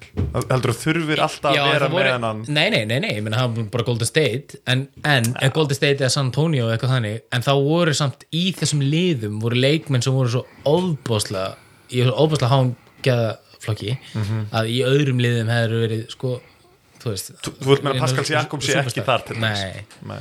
nei, og ég held að sé, það er enginn í þessu Toronto liði sem þú getur bara saman við Curry eða Tim Duncan eða eitthvað nei, svolítið nei, það Nei, er það. alls satt sko. En ég hugsa að þú veist, þú getur Í hugsað fyrra, jú, Kawhi Leonard en ekki núna. Nei, ég fyrir ekki Detroit segi 2004 Svona blúprint sko. Já, mér finnst, Miami vera nær því, nær því blúprinti sko. Mögulega sko. Svona veteran varnarlið eitthvað með hérna, unga leikminni samt í stóru hlutverki meina. Já, Þeir- Prince var mikið af gæjum, sko. Taysom Prince var 40 minna maður í, í, í, í pistonlið í, í, í úrslutum sko á fyrsta ári. Uh, hérna, kannski svona ég er búin að horfa á svo leik, ég hef, hefur fundist þeir hérna Sorry, ég ætla að skjóta inn hérna og nú heldur áfram. Þetta, Við hörður um mikið talað um þetta sko að bestu liðin eru sko leiðilegustu liðin Þú veist, það eru stattlausu liðin. Þú veist, það eru liðin sem að gefa þér ekkert á morgnidags þegar þú ferðin á ESPN og skoða statið og það er bara, þú veist, þetta er, þetta er glata það er Taysom Prince, John Ray Billups, Richard Hamilton Russell Wallace, það er ekkert að skilur. en þeir vinna leikin Já, og, og þú veist, Ginobili, Duncan Parker, þú veist, þetta er, er hundleðilegt það er hundleðilegt að skoða, sko, en þeir vinna. Það er svo gaman að horfa á það samt sko. Já, já, en þú veist, þetta er Ég verð ekkert með kaffibótt nei, þetta er ekki, þetta er ekki að gera mikið fyrir mig, sko, en, veist, þetta eru bestu liðin. Ég veit ekki hvort þetta, þetta sé búið. Þú veist, Toronto var alveg svona soldiðarni fyrra, en, en þú ert samt alltaf með súpustjörnuna í Kawhi, sko. Já, það, er- það eru óðbóðslega stattlust lið. eh, hérna, Toronto núna, Kyle Lowry með hérna, Já, já, já. þú veist, Þeir 21, eru all- 5, 6 Já, þeir eru en þeir eru ekki 19 eða nógu góðir. Þeir eru B+, Nei, já, ég þú skilu veist. Ég skilu Ég skilu ég er svolítið samanlega þessari skilkningu ég, set, ég er mikið í þessu, þú veist, hvort þú ertu A, superstjarna eða B eða eins og við segir B plus kannski, þú veist. Uh, ég, ég, hérna, ég er að horfa á hún er að horfa á þessa leiki og ég, ég sé einhvern veginn maður sér einhvern veginn fyrir sér mjög auðveld þetta eru ótrúlega fyrirsjánli lið eins og þú talar um með hérna statið og svona að mér, mér, sé- mér sér auðveldlega hvernig leikindir er að þróast einhvern veginn að það, það er ekkit óvænt að koma upp. Það er bara, að ok, þarna kemur pull up frá Jalen Brown og þarna kemur step back frá Kemba Walker. Og maður veit af því sko ekkit, ekkit óvænt þannig. En aftur á móti þá er austudeldin kannski þannig skipuð að þú þarft ekkit að vera superlið til að vinna það er, það er nú alveg, alveg eins og það er sko. Ég held allavega að hérna ég ætla ekki að segja að hérna Toronto séu dead in the water þeirra eru auðvitað ennþá í séns en, en það er einhvern veginn það er ekkert sem segir manni að þarna sé eitthvað magical run about to happen sko. Nei, Nei, ég. nei, það er frekar að, að það sjáist frekar uh, Miami megin uh, í östrinu Þannig að, hérna, já.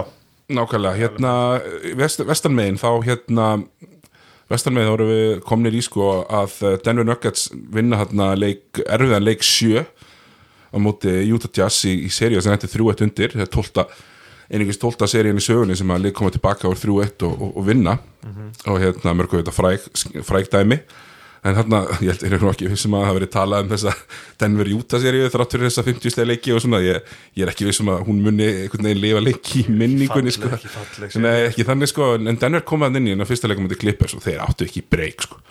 Þeir, voru svo, bara- voru svo búnir á því það var bara fyndið að horfa á að spila sko. Vandræðalegt sko. Já, bara vandarlega, bara strax í öðrum leiknum þetta voru bara minna lulla, sko, bara erfitt. Uh, Jókits hérna ég, það er svo fyndið þegar að menn dræfa át að Denverli og Jókits er svona risa stór og hann er í miðjun að mæta þér. Hann er samt ekki alveg að mæta þér. Þú ert bara að fara í layup og hann er ekki að fara að challenge þetta layup almennilega sko. uh, það er Paul Millsap verðist bara eiginlega pínu vera búinn. Um, og sviði kannski eins og stórt fyrir, fyrir uh, Jamal Murray og Michael uh, Porter Jr.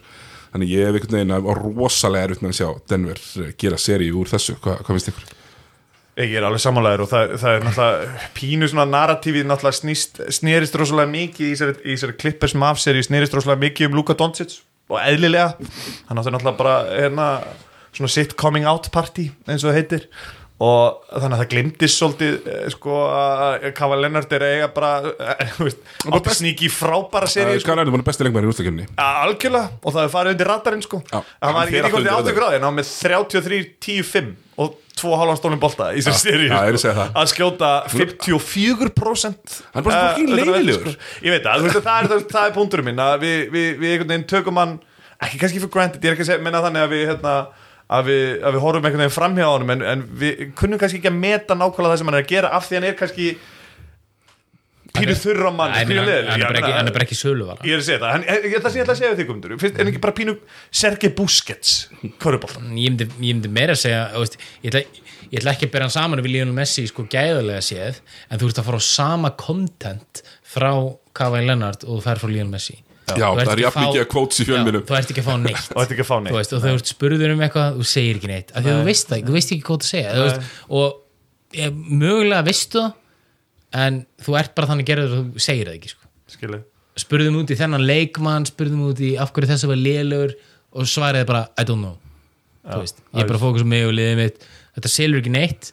Þú veist, þú, hann verður á einhverjum tekjum í kjölfarið skilur, Þeir eru í töðunar Nei, ekki neitt sko, minnst það gekkja Þið finnst þetta það Þetta er geggjað. svona pínu Já. að námáli sko. Al, alveg geggjað sko. þetta er, þú veist menn eins og hann eru, veist the bomb, sko, veist, að því að hann hann þarf ekki að einhvern veginn klæða sína hæfileika í annan búning. Þú veist, þeir bara tala fyrir sig sjálfa, sko. Pínu eins og annar meina Karim, Karim var svona.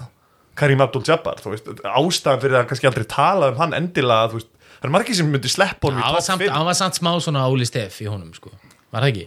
Nei, ekki, ekki, hann var ekki að reyna. Hann var ekki, já, hann var ekki að reyna sko, já. hann var rosa, rosa hljóðlótur og, og, rosa svona hlétræður í, í, í viðtölum og öðru slíku, sko. Hann, hann var mikið- áhugaverður þú veist, það var eitthvað áhugavert Finnst þér ekkert áhugavert það er ekki neitt áhugavert við, hérna, Hvað er, vi- vitum við eitthvað? Nei, hann er meira sér að drafta þú veist með 15 og ég veist ekki neitt. Það er Þú veist, ég var einmitt að skoða þetta eitthvað um daginn þú veist, jú, hann á, hann á þú veist, hann giftur og tvö börn og Á eitthvað tvö börn? já, og bara, þú veist, solid gæi og eitthvað, en þú veist, þú veist ekki neitt. Og Er hann með Instagram til dæmis, eitthvað svoleiðis? Er hann með eitthvað ég held að sé eitthvað svona Er run by, já, his team sko. Já, það er eitthvað þannig, það er eitthvað teimi sem Og hann hefur engan áhuga á að Nei, taka þátt hans samfélagsmiðla presens er auðvitað, eins og ég segi, ekkert til dæmis. Nei. Og menn, þetta skiptir máli í dag. Þetta skiptir alltaf miklu, máli, miklu meira máli í dag heldur en hann gerði þegar, að- þegar hérna, Karim var á og þeir voru að spila skilur en þú veist, þú sér aldrei Kawhi Leonard fá okkur einu sinni ef við værum á tíundartum myndir aldrei sjá hann fá okkur skóauðlýsingar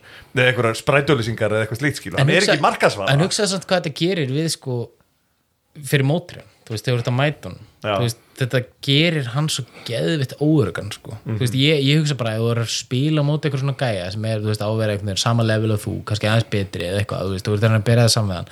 Þú hugsa alltaf, já, hann er með eitthvað veikleika hann er eitthvað tæpu gaur eða, þú veist, ég er búin að heyra eitthvað sögu. Þú veist, er þetta Tristan Thompson skilur eða er þetta, þú veist, það er eitthvað, þú eitthvað það veist það er, að hann hann er hann og svo skorar hann geiminir inn í smettið að þér og, skorar og, og, og, og er ekki svona að horfa á þig sko. Og svo segir hann ekki neitt. Nei, um, einmitt, hans sko, hvað segir maður? Hans svona stóru moment í, í, í leikjum þar sem að maður kannski sér hann hérna, sína tilfinningar er kannski ef hann fær ekki einhverja villu og þá liftar hann höndunum og þeir og heldur sér áfram sko. Þannig að það er ekki einu sinni eitthvað svona demonstrate og, og meira segja sko. þegar hann setti busserinn á móti Philadelphia í fyrra og hann, hann dettur svona inn í Philadelphia bekkin já, skottar eitthvað og það er þá er hann eiginlega meira þú veist, það er meira bara svona hann er bara svo hissa. Frekar en að hann sé sko og glaður. Þessi viðbröð, það bara, erðu já, gerðist þetta sko. Við unnum bara. Er það gott fyrir NBA-dildina þegar besti leikmaður dildarinn sem að hann stefnir svona mjög örglega ekki, ekki, ekki, markaslega Nei. en fyrir, þú veist, áhuga mennum Já, líka, þú veist, já, já og hann, eins og til dæmis líklega, hérna líklega var, var, er, er það lið sem er búið að vera hvað best á hans að fá kredit fyrir það í þessari úrslutakefni búið að vera Los Angeles Clippers, jú, þú lendi vesin á móti Luka, það hefði allir lendi vesin á móti Luka. Þannig bara einstakur leikmaður Eh, Já, það var ekki fyrir en allir voru mittir í Dallas sem þetta svona fór einhvern veginn Wills fell Já, off þannig. og ég held að sé líka bara þeim í hag. Ég held að sé klippið sér bæði það að þeir komu sent inn í búbluna þeir eru búin að vera að spila sér saman þeir eru svona að ná einhverju kemistri upp. Ég held að sé bara mjög mikið þeim í hag að, að narratífi sé ekki starf annar staðar. Að sé bara að vera að fjalla með eitthvað annað. Og þessi, þetta annar, deildar, annar randar matchup á móti Denver er bara fullkomi fyrir það. Og þeir eru að lappi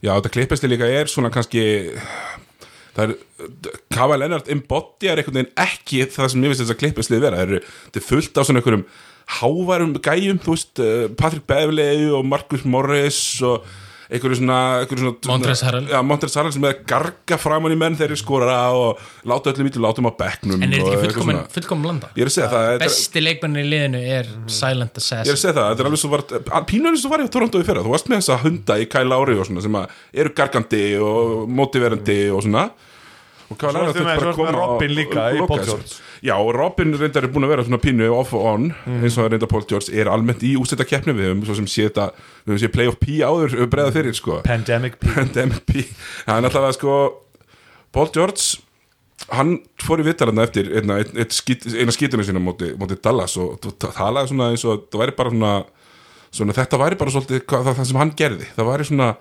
hann, hann hérna fyndi einhvern veginn ekki fyrir því að hann væri að komast í einhvern rithma að fullu og, og hérna eitthvað svona pínu væl og ég hérna Já, mér- Paul og voða mikið tilfinning að vera já, eitthvað þessu. já, og mér finnst einhvern veginn eins og klippar séu sko þú veist þeir eru búin að taka á sig persónuleika Doc Rivers eins og liðin að sker alltaf. Þau eru óþólandi, menn ég horfði á einasta klippisleik með, með þegar Chris Paul var í klippis, ég hef ekki mistað einum einasta held ég alltaf aldrei í beinni eila þeir mm. festustrandar hérna LA liðskiluru en, en hérna liðast Doc Rivers er alltaf svona, þau eru tuðandi, þau eru endalaust vælandi í dómaranum hann er endalaust vælandi í dómaranum kemur og vælir í viðtölum og svona, svona unlikable hérna, ára yfir því.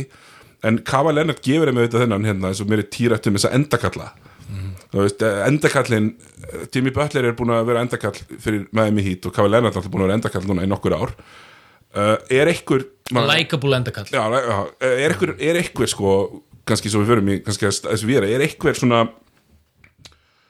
er eitthvað lið í NBA eins og er sett upp í dag hvernig menn er að spila vörn og hvernig menn eru svona að, að, að smíða liðin sín er, er, kemstu upp með að vera ekki með svona endakall? Ertu að meina að vera með likeable endakall? Já, skip, skip, skiptir það einhverju máli? Þú veist, ef þú ætlar að vera með einhverja karisma superstjörnu er ekki betra að þetta sé bara eitthvað svona assassin Ég skil ekki, er hann skítæll eða er hann góðu gæi? það er einmitt málið, er Kava Lennart skítallega góðu gæði? Hann er góðu gæi, en hann er bara svo ógeðslega góður körubólta Þú veist, og það gerir hann að pínu skítæll Þú veist, af því að hann, hann einhvern veginn er betri en þú. Er hann ekki meiri skítall núna því hann er í, í sko, okay, Jú, hann er í skítalla hann er í liði. Stórborginni, já, skítall hann er skítæll liði, sko. Það var gaman, það var í bara í Kanada í fyrra, sko. Mm, En hvað undur segja um Lebron James þá? Þú veist, er hann hann er, er, hann, hann er ekki skítæll Nei, nei, það er svolítið sveiflast eftir hvað hann er Hann var, var, skí, var skítæll í Miami, já, já, klárlega, og þá var hann skítæll já. Og tók það svolítið, tók þann persónleika líka bara svolítið á sig. Hann breyttist pínu í skítall Mhm. Þegar hann var í Miami.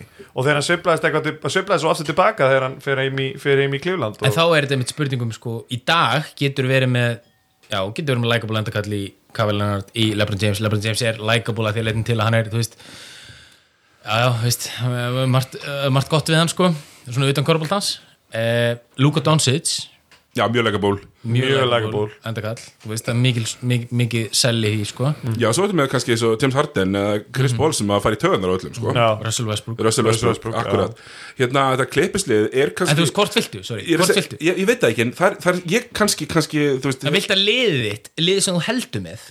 Ég vil að það sé skítalega, sko. Þú vilt að sé Eiginlega. skítalega. Ég Já, vil þú pínu að vilt- sé skítalega það. Luis Suárez, Luis Suárez er gott. Já. Já, þú veist, þú vilt að Luis Suárez sé í liðinu þínu og þú elskar að Liverpool mína hörur, hérna, miklu leifurmenn Já, sama hér sko. Að, saman, já, að þú veist að það bara er hérna, þú vilt hann sé í liðinu sko. Og hann er skítall og þú bara í með, þú bara er alveg 100% meður sko er hversu mikið skít þurftu við til dæmis að afsaka með Louis Suárez? Og við þurfum að kingja einhvern veginn. Og ná að sannfara okkur um og svo bara leið hann er farin eins og í fyrra þegar hann spila um Barcelona hann.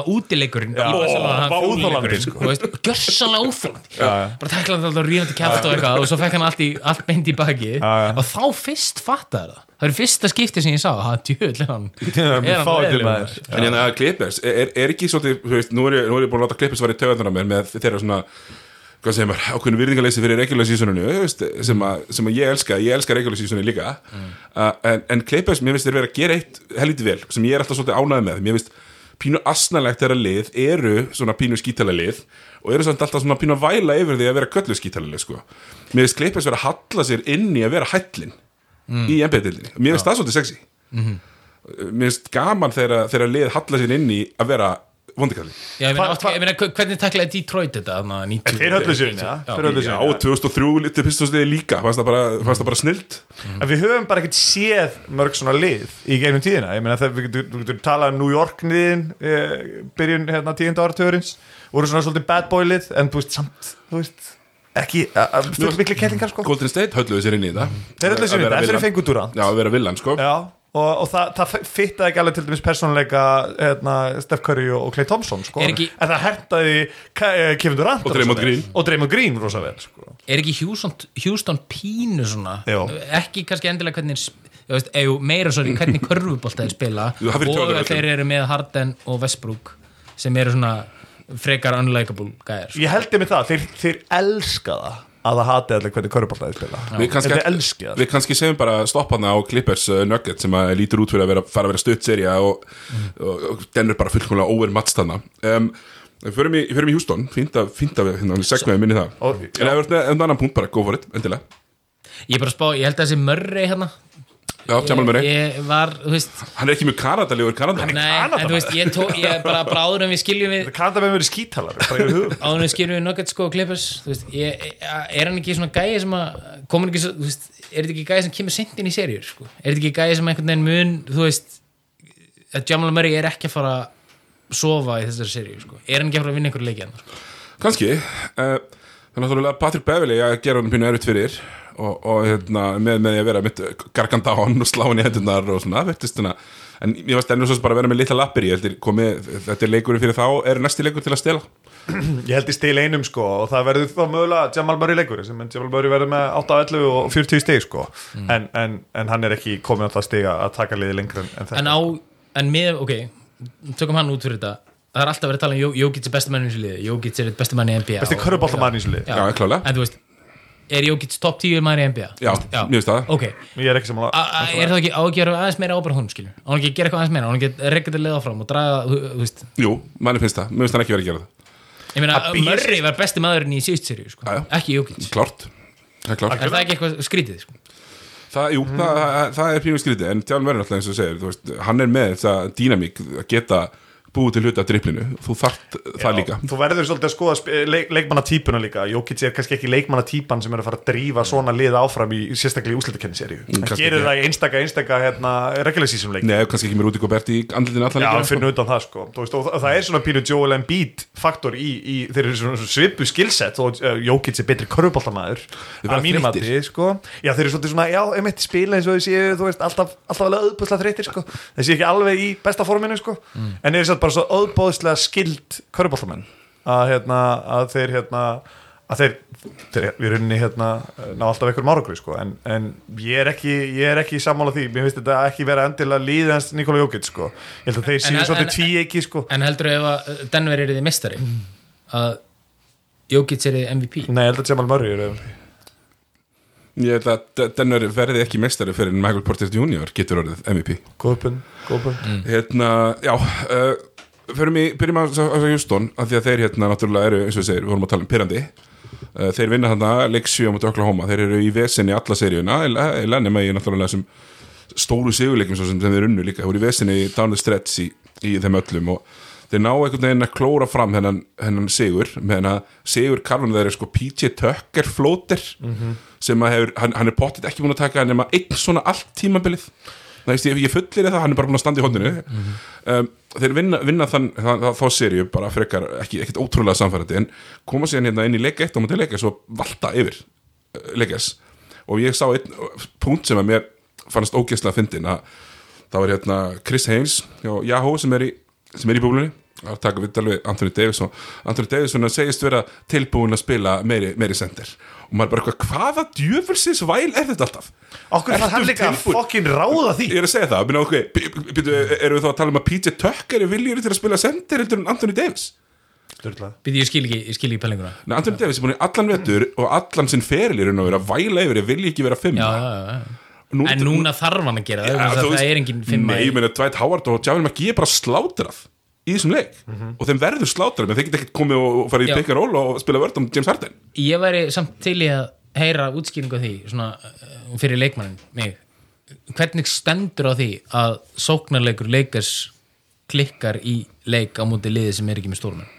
Þeir voru náttúrulega Þeir voru náttúrulega hérna, Þeir reynda að spila, byrjuðu með Jálma Gíin á Þeir spiluðu stórumönnum sínum einhverjar 30 leikmyndur Við erum með endalust af evidence að Bullyból virkar ekkert á móti já, það, þeir, þeir, komi bara einhvern veginn svona fundamental shift í körubólta að það að vera með stærð og þyngd og eitthvað inn í tegnum er bara miklu auðveldara að verjast. Þú fær hlutfarslega miklu meira út úr því að geta varist því heldur en þú tapar á því að geta varist sko, hérna, gördónum hinum einn bakverðunum hinum einn, þannig að það er miklu þægilega fyrir því að vera með uh, í rauninni mobile bakverði sem að geta sótt á stóra þunga miðherja heldur en það er á hinum megin á vellinum sóknarmegin að geta verið með stóra þunga menn sem að ráðast á skilur við hvað er það? Þetta meina þú tekur þá bara skellinum að hérna, ok, það mismaðið á það, já, það er ekki eins og skellu lengur það er ekki eins og skellu lengur Nei, það er bara ekki skellu lengur þú, þú, þú sér, til þess bara Embiid á móti Boston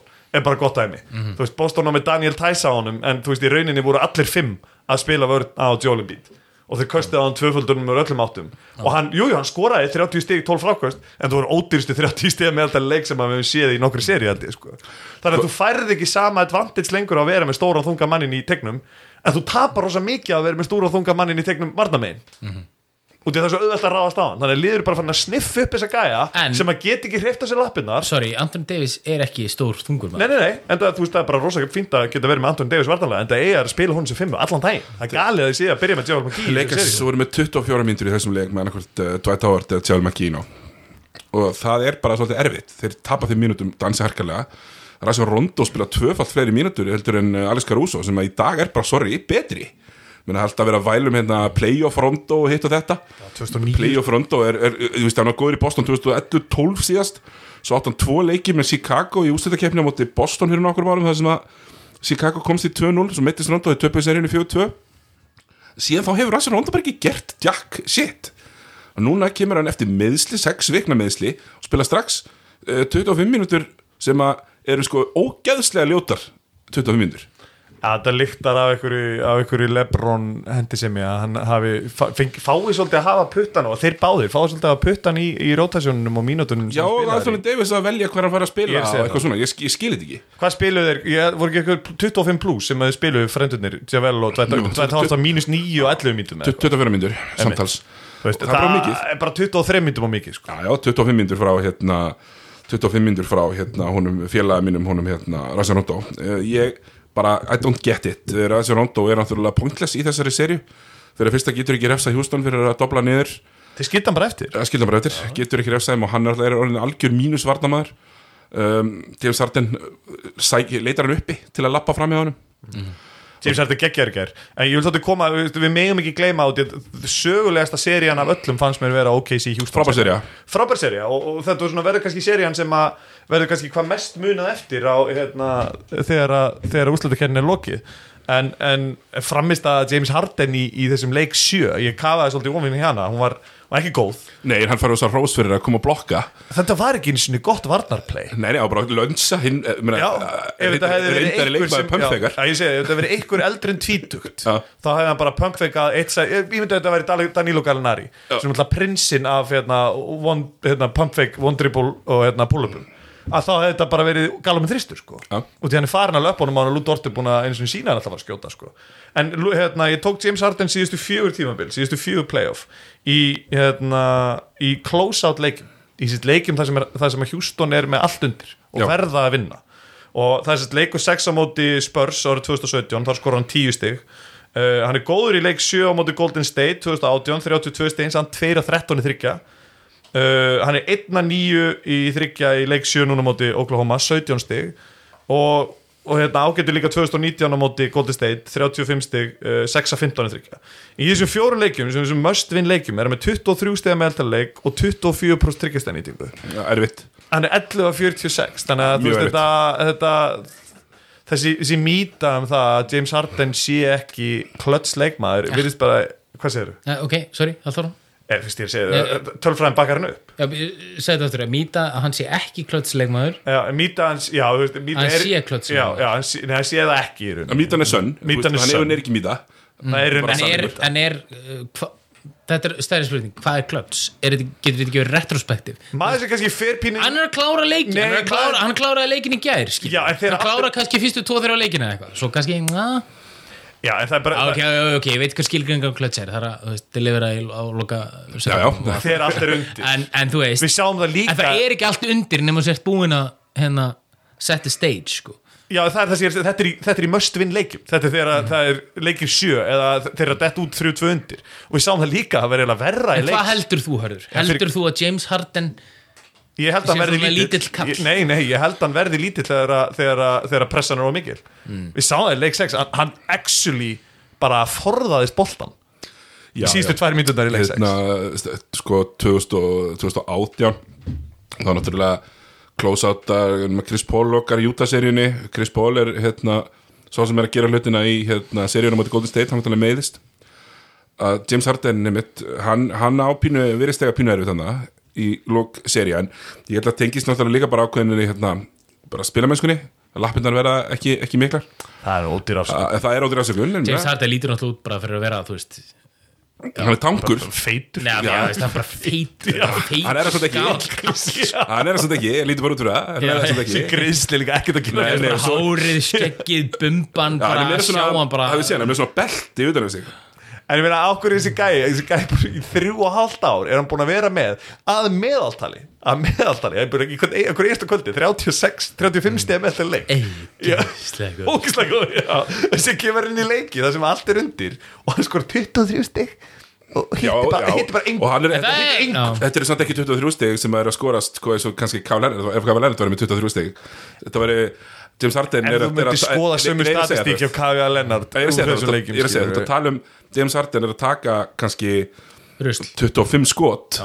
og, og þú skora 23 stig og 25 skotum og þú ert í boltan allan tíman En þetta er það sem við höfum talað um og við tölum um líka Siggi, þegar við vorum að fara yfir bestu tíu leikmenn sem hafa unni titla. Að að kannski er James Harden bara miklu meiri þú veist, George Gervin, Alice English þessi skoraratýpa heldur hann er eitthvað sigurvegari skilur Mm. og er rauninni hefnir að komast í gegnum þessa umferð. Og mér fannst, veist, mér hefði fundist miklu skemmtilega til dæmis hefði persónulega, hefði Oklahoma Já, komist Oklahoma- áfram? Og ég veit að þú ert sammála því. Já, Oklahoma náttúrulega í sem í leik 7 sko, þeir, eru, þeir fá boltan Af sko. hverju, af hverju, sorry. Já, að því að það er einhvern veginn fyndið.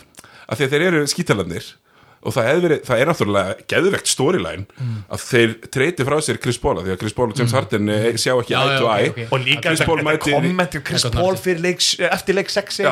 þetta er bara besta undirhanda skot sem ég bara heyrt sko. Ég veit það fór svolítið lítið fyrir þessu. Hann segir sko hérna some people are built for it. Talað um klötsið sko. Some people aren't. Og svo færið þeir að leik, leik, leik 7 og Oklahoma fær boltan með 22 sekundur eftir sko.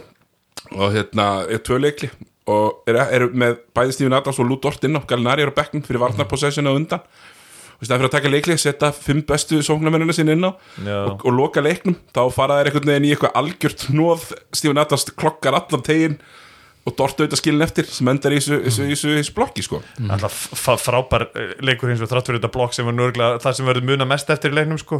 þetta er ofta svona með tableik í, leikjum sjö að það er aldrei munað eftir góðum framistöðum í tableikun, menn Luke Dort 20 21 með 30 stygg sko. En ég velti, ég velti þessu fyrir mig með narratíf sko. Þið viljið þá, sko, það sé sterkara narratív skemmtilegar storyline að OKC fari áfram með þessu en það verður miklu leiðilegri seria Lakers OKC heldur en Lakers Rockets Ertu svo viss um það? Já, af því að við viljum, þú veist, af því að þarna ertu með, þú veist, einhverja, þú veist, með stóra pósta báði megin, sko.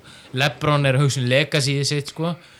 Harden og Westbrook er að hugsa um, þú veist, geta þeir verið hérna in the conversation, sko. Er, þú veist, eiga þeir eitthvað erindi, þú veist, eru þeir að vera mestartitil.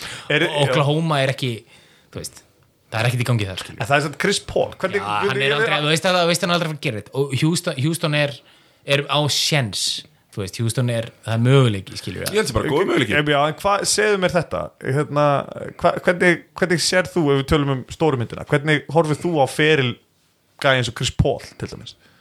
Hvernig verður hans mist, nú er hann 35 ára gamall og, og glugginn, þú veist, sífælt minni þó að hann hefur verið frábæri ár og allt það. Hvernig, hvernig horfið á hann sem í þessu, í þessu sama móti við vorum að tala um með James Harden, er hann gæði sem bara Justin Curry Nei, vegna þess að hann er talaður svolítið upp sem annar karakter. Er veist, og ég held að það sé mögulega vinskapur hans við, þú veist Lebron, Wade, Mello hann er í þeirri kreðsu sko. Hann er hluti af þeirra hópi. Og þannig er hann einhvern veginn talaður upp sem einhver svona algjör vinner og algjör jaksl og, og frábæð leikmaður allt það, þú veist, 10 plus All-Star og eitthvað svona, en þú veist, hvað hefur Chris Paul gert? Þú veist, Nú þetta er- ertu náttúrulega að setja Já, já, ok, þú veist, já, já, ég meina, ég alveg tala, hvað hefur hann gert? hérna, það fyrir alltaf eftir bara Tökum tvær myndir í þess ekki Já, ég meina það fyrir eftir hvernig þú skilgerinir þetta minna. Vinnur allir sem vinna meistaratitil allir sem vinna ekki meistaratitil að hverju ári er lúserar minna NBA-deildin er búin að búa það er NBA-deildin sjálf sem er búið til þetta narratív. Ég, ég er bara fórtanlega þeirra Já, ég er að segja þetta, minna, sko. það er engin byggakeppni það er ekkert promotion það er ekkert eitthvað, að flott season, Já, vott, ok, ok, horfum þá, horfum þá á tölfræðina. Hver er hún? Hvað er, er- er average? tölfræðin er- 18, 18, 10 Nei, tölfræðin er frábær Tölfræðin 22, 10 að tölfræðin geggjuð, 22, 6, 10 Já, tölfræðin Cirka, já, já, svona meðaltal tölfræðin frábær varnamæður sko, all time varnamæður í sinni stöðu öll liðin sem að þú fær Chris Paul þá vinnur 50 eitthvað leiki, það er bara átó Já, be- besti leikstjóndi síðustu 15 ári í leiknum 100% leikstjórnandi, síðan að Jason Kidd og Steve Nash voru konur yfir sitt prime en besti leikstjóndi þe- síðan þá. Þannig að sko, 100%. ég held að, ég held að sko, tölfræðin, náttúrulega, við erum farin að horfa kannski framhjá bara hráa statinu en það er bara Russell Westbrook, hérna, besti leikmaður dildarinnar mm. Já, já, já, fyrir mig getur það. Nei, ég meina, Chris Paul alltaf á sín signature sko, þess vegna er hann líka gott storyline sko, því hann á sín signature töp það veist, OKC 2014 það er signature tap sko. Uh, 2015 mútið Rockets er í tapað 3-1 uh, tapað niður 3-1 stöðu. Uh, en ég meina hann á líka game winnera í leik 7 mútið ríkjandi meisturum í ústakefni San Antonio En Gummi, kannski, ég er svona, ég er svona hérna, komið eftir varnagum þú, þú kannski fórtan á þess kannski að, að því fannst, fannst Chris Paul aldrei kannski verið með þessi hann var með svona pínu leiðileg, leiðilegar, leiðilegar statlínur að það kannski hérna Nei, nei, alveg solid 20-10 maður Þú veist. Já, já, En, Hvað eru þeir margir samt? þeir sem eru reikma 20-10 gurar. Það er bara næstum engin þú veist, það var hann og Dero Williamson tímbili mm. Williams, einmitt. Já, þú veist. Nei, þú veist, það sem mér er alltaf fundist, hérna, fundist svolítið sexy er, er þetta svona virðing fyrir possessionun þá kannski eh, til að loka þessu hérna, akkur í Oklahoma verið skemmtilegt storyline, það er náttúrulega að tölfræðin gaf þeim engan sens á að fara svona langt, það gaf þeim engan sens á að fara í úslutakefna þetta eru, þetta eru, þetta eru nýlegar hérna, lullandi drumburinn Stephen Adams og svo verður þetta bara Chris Paul og það var bara nót til þess að vera 50 sér að liði í vestrinu. Við erum búin vel á peysi að vera 50 sér að liði hefði tímabili ekki verið cut short. Og þeir áttu, áttu aldrei að vera þarna sko. og það er kannski það sem er sexy, er underdogin Það er eitt líka. Við sem treytaði frá sér besta leikmanni sögunar Tvei, já, Russell Westbrook Já. og sko. en það, er, en það er eitt líka í þessu sko sem að er áhugavert. Að það er í Oklahoma er náttúrulega maður sem kannski post-karýr verður með svona eitt mesta óbreið minnum um sko hvernig hans ferill var. Og það er Daniel Gallinari.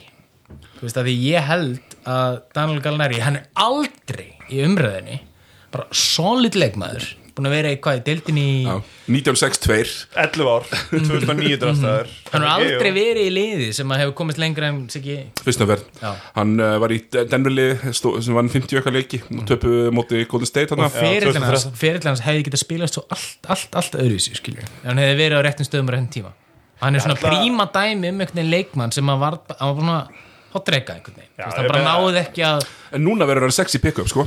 Hann verður sexy pick-up í sumar, hann er með lausan samning Er að koma flottu sísoni Og hann, hann verður sexy pick-up fyrir, fyrir mörglið. Og hann er alltaf með skillset sem að sem að nýtist mjög vel í dag. Laus, lausan samning núna, eftir tíbli, já, Dallas. Til dæmis uh, En aftur að kannski Houston, Já, Houston Dallas Lakers á Dallas á, bara, sorry, bara koma því Dallas á kapspeð sko. Dallas? Nei, þeir eru ekki nei, Dallas? Nei, nei, nei, nei, nei. Þeir eru bara mjög lítið kapspeð sko. Ég ætti eftir Þeir eru með alveg Luka, styrla mikinn pening í, dæmis er á Luka er Hardaway ný, sko. nýlega samning og, Já, já, skoðaði samlingana Þeir, þeir eru í rauninni búin að taka við bara, þeir tóku við samlingum með Núvert Nick sko, það er þetta að segja Mhm. allt sem þeir eru að segja. Já, en byrju, sorry, ég, ég, ég geti verið að tala um raskatur á mér og er það örglega, ég er náttúrulega ekki, ég er bara leikmaður hérna. Að það voru að tala um það að Posingi, þetta er smá útur það voru að tala um það að Posingis væri sko mögulega ekki, þú veist, tippin einans hérna, Luka en þeir hefðu þeim eitt efnaði að ná sér í almennilega pippin sko út af því að Luka er bara ennþá á einhverju djók Það þarf bara að losa eitthvað, þeir eru alveg með flexibility til að losa hluti. Ég held ég get alveg náði leikmanni svo Það Gallinari. get ekki bara bætt galinari við eins og ekkert sé Það er svolítið verið Nei, og svo veit maður ekki, þú veist, það var náttúrulega eftir að tilkynna nýtt launathag og það er náttúrulega búið að vera tekið hrun. Já, þannig að það, það verður, það verður eitthvað, eitthvað hérna, verið þrengt að akkurat til að segja það En sko. að því sögðu, erum við sammála um það að Gallinari,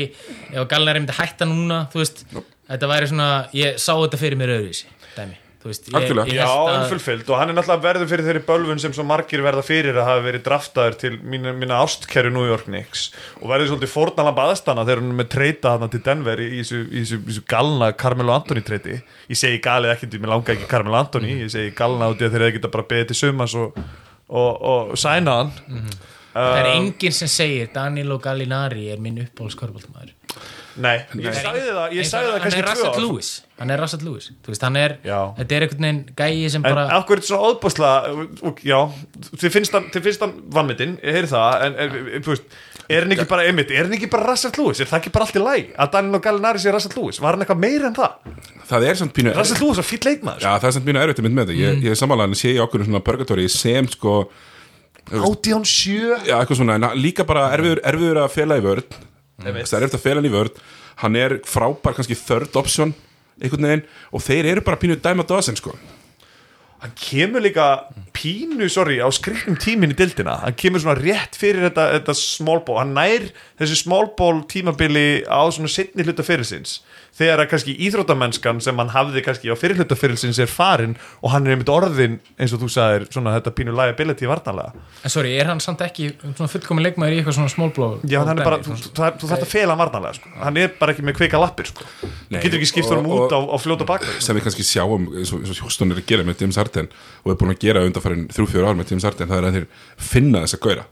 Þeir finna Gallinari inn í hinum liðinu og þeir ráðast á hann ítryggað og ég, ég, er nú svona, ég finnst Houston oft pyrrandi en mér finnst þetta samt mér finnst pínu, pínu sexy hvað er gera mikið í því að ef þú ert með einn sem er slappur varnalega inn á þá, þá finna þær hann sko. Og þeir targeta hann, hverju einustu sókn það er bara þetta þetta er svona, þetta er svo óvægnir í að láta menn líta illa út. Mér finnst það alltaf pínu, mér finnst það pínu, pínu, pínu flott. Um, til þess að leikers klári eða vinni þessa menna þeir mega helst ekki lenda tvön og lundir á, á morgun. Uh, til þess að þeir geti tekið þessa seri þá held ég að sé augljóst að Anthony Davis þarf bara að vera með þeirri allan tíman það er augljóst og hann þarf að gera meira. En svarið fyrir mér er ekki að póstum upp Anthony Davis. Þá ertu bara að spila upp í hendunar á Hjústan Meina, öll lið sem einn að posta upp Hjústan þeir lenda, þú veist, þú sér bara raskutin á þessum önnum í Hjústan þeir eru Harden og Tucker og Erik Gordon postar þess að gæða ekkert þeir færast ekkert. Þannig að þú kemst ekkert næð, þú endur alltaf að taka contested twist yfir á Ertu að meina að leika sig bara að spila saman leiku í Houston? þeir þurfa bara að fara í pick and roll leik, finnst mér. Já. og þeir eru að vera með Caruso inn á, ekki Rondo. Og er, ef þeir neðast til þess að spila með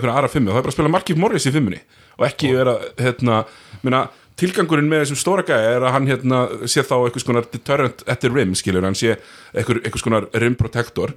En ég meina það er erfitt að vera rim protector þegar þú þarfst að standa með PJ Tucker út í hotni þú ert alltaf að ágjöra hann já, þú veist, uh, PJ Tucker er 40% ríkistaskiptu á hotninu og þú sér, það líka að Rockets lið vann mjög sannfærandi leikin í nótt og þeir skjóta 39 þristum sem er, þú veist, það er vel vel undir pari, sko. sem er velundi parið sko, og þeir voru bara komast. Áallinarlega eru bara hringnum hjá, hjá Los Angeles leikið sko. og það er ekkert að fara að hjálpa að hafa, eins og þú segir það er ekkert að fara að hjálpa að hafa J.V. McGee að það er tárat undir út í þá ertu bara komin galupi skot Já, ég svo segi það.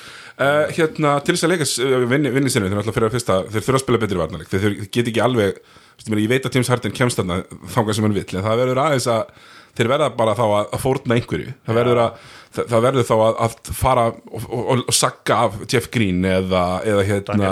Daniel House eða Robert Covington. Þeir þurfa þá bara að láta þá vinna Minna, þetta er það sem Oklahoma gerir með frekar fínum árangri fannst Um, ykkur samt Er hérna sorry, er þetta ekki svolítið Já. svipað og Dallas Clippers?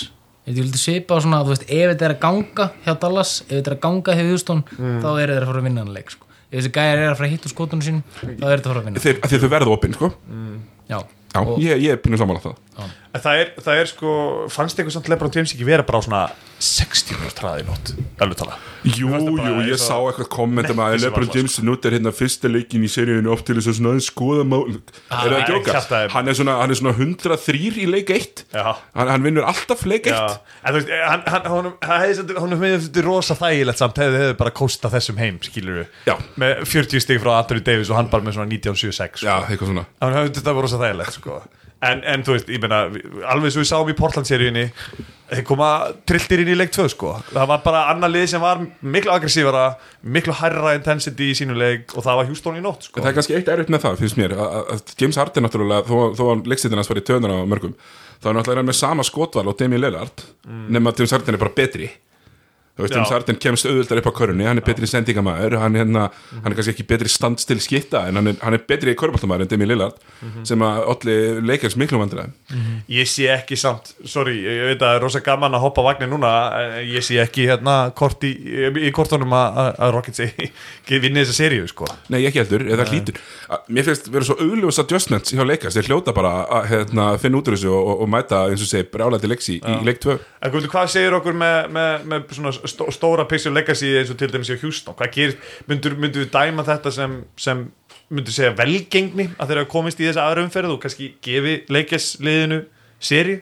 Houston. er, ná- er það nægileg líflína fyrir Mike D'Antoni? Já, bara fyrir, fyrir, fyrir þennan stíl í rauninni, bara fyrir bara morriból. Já, mér finnst það- magna náttúrulega þeir, þeir eru skipta aðna Clint Capella eh, þá eru þeir svolítið að segja bara herri, við erum að breyta köruboltanum Með málinn. Já, við ætlum bara að fara þessa leið og jú, jú, að vinna leikers Championship Contenders, svona örglega í fyrsta leik, er náttúrulega ákveðin yfirlýsingum að þetta dæmi vinnur leiki ég veit ekki hvort það vinnur titla sko. ég, held, ég held ekki, ef það gerir það þá þarf sko þá er NBA að fara eitthvað svona róttaka endurskoðun og mér- þá er allir að fara að apa upp þetta mót og þá það er- væri bara slæmt. Já, og þá, Það er svo pínur revisionist history að segja geti gjunni, menn þeir eru með Golden State næstbesta lið eða besta lið sögunar on the ropes með akkurat þessum bolta -hmm. og, og hefðu Ekki fyrir alveg mér þessi okkar kendum, en jú, svipum. Jú, svipum. en, og hefðu valtað að mínum að yfir þetta lélega klínalli sem fór í 2018? Já, sem fór í úslit Æ, ég minna minni hérna uh, Hástökk til dæmis hérna, hérna Hástökkurarnir hérna, back in the day verið sótum maður.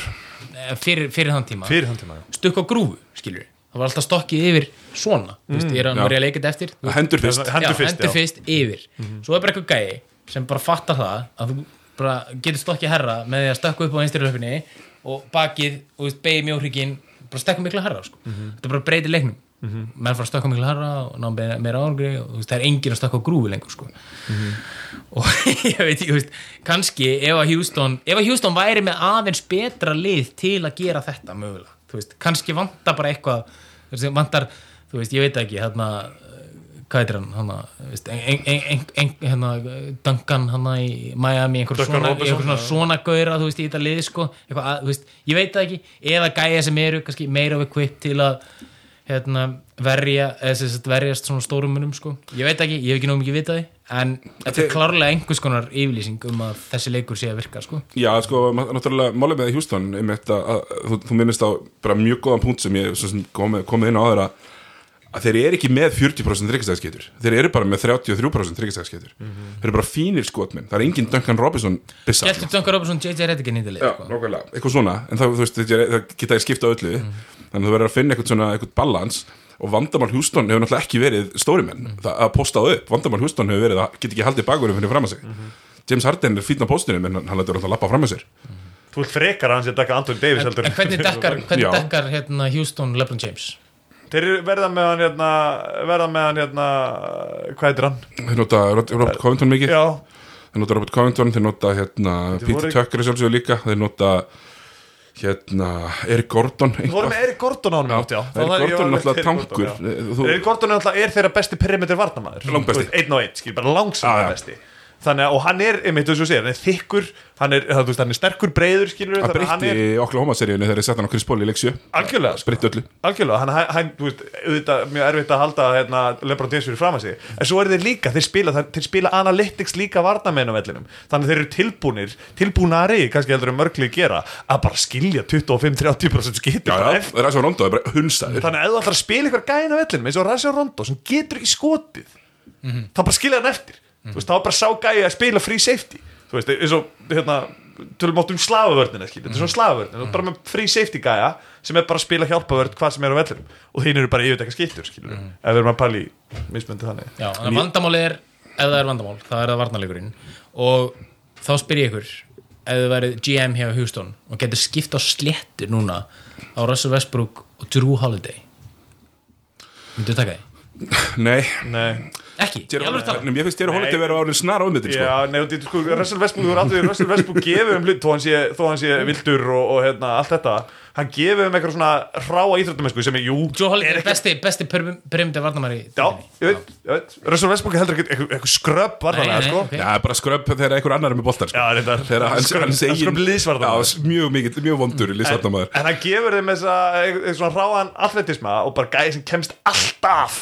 alltaf fram hjá sínu manni. Veist, það, það gefur svona liði veist, gæði sem getur komist inn í saumana þú veist, meina Drew Holiday, það er alltaf pikk Drew Holiday með Anthony Davis í lið, ger ekki raskat. Ég, hérna, ég er ekki alveg, alveg seldur þar. Ég held að taka það á hann Nei, nei, nei, frábær, bara eins og þú pælingu. ef hann er ekki besti þá er hann hann vel upp þér. En kannski, ég held að ég er svona sammála herði, ég held að leikas munir nú klára þessa, ég verð hissa ef þeir gera það ekki. Ég sé sex. Já, eitthvað svona. Um, Svona ef við kannski förum í stærri mynd núna að hver, ef þú mættir velja bara mistarlið, hver, hver finnst þér vera svona hver finnst þér vera svona kannski mistarlið sem þið myndu vera ánæði með? Ánæði með? Já, uh, Já, miklu með heldur. þess, úr, úr þessu það er, sorry að segja það Clippers Já, vá Af hverju? Það er eitt, það er bara ég er bara orðin veikar og veikari fyrir Kawhi Leonard hann er bara búin að ná einhvern veginn inn í hausnum sko. Nú sátum við, við báðir á, á, á hérna, öldurhúsi hérna sundarskvöldi og, og gretum það að Luka Doncic væri að detta úr já, já, Doncic ég menna, sko. já, þú veist að þú spurt mig þá skilur, það var svarið mjög einfalt en það er því ég er maður hérna, narratífsins sko. Já. og, og alltaf verið mikil nýlega pervert Finnst þér ekki mikil narratífi til dæmis að LeBron James verði Jú, meistari? það er svo hitt sem ég ætlaði að koma inn á að sko, þú hugsa um góð umræðina og það allt og ég er ekkert endilega vissum að ég vilji að LeBron James taki hana yfir Nei, er að segja, hann En ég vil- til já, en ég vil halda því opnu og sjá hversu lengi hann getur verið í því samtali sko. þú veist, af því að hann, það, hann, hann á ansi langt í land teitlalega séð, Mhm. hvað það var það sko. og þú veist, hann þarf að þannig að veist, maður vill ekki loka það, það, það lokast svolítið núna, veist, það er dyr lokast núna ef hann klárar þetta ekki núna sko. þú veist, það er svolítið það er óraunæft að ætla til þess að hann geri vinni marga í og ég, nenn, og ég nenn ekki heldur ef hann kemst í úslit að, að þeir verði "Ó, það er betur alltaf að komast í úslit heldur en þetta út í fyrst, þú ég nenni því ekki. Þú ef þú kemst í úslit, klára það fokkin titli en ef að, og þá og spyr þú ég ert að fara að spila móti einhverju veiku austudildali, þú veist, veikari og narratífi fyrir, fyrir Já, er mig er þá núna er sko. það að þú veist,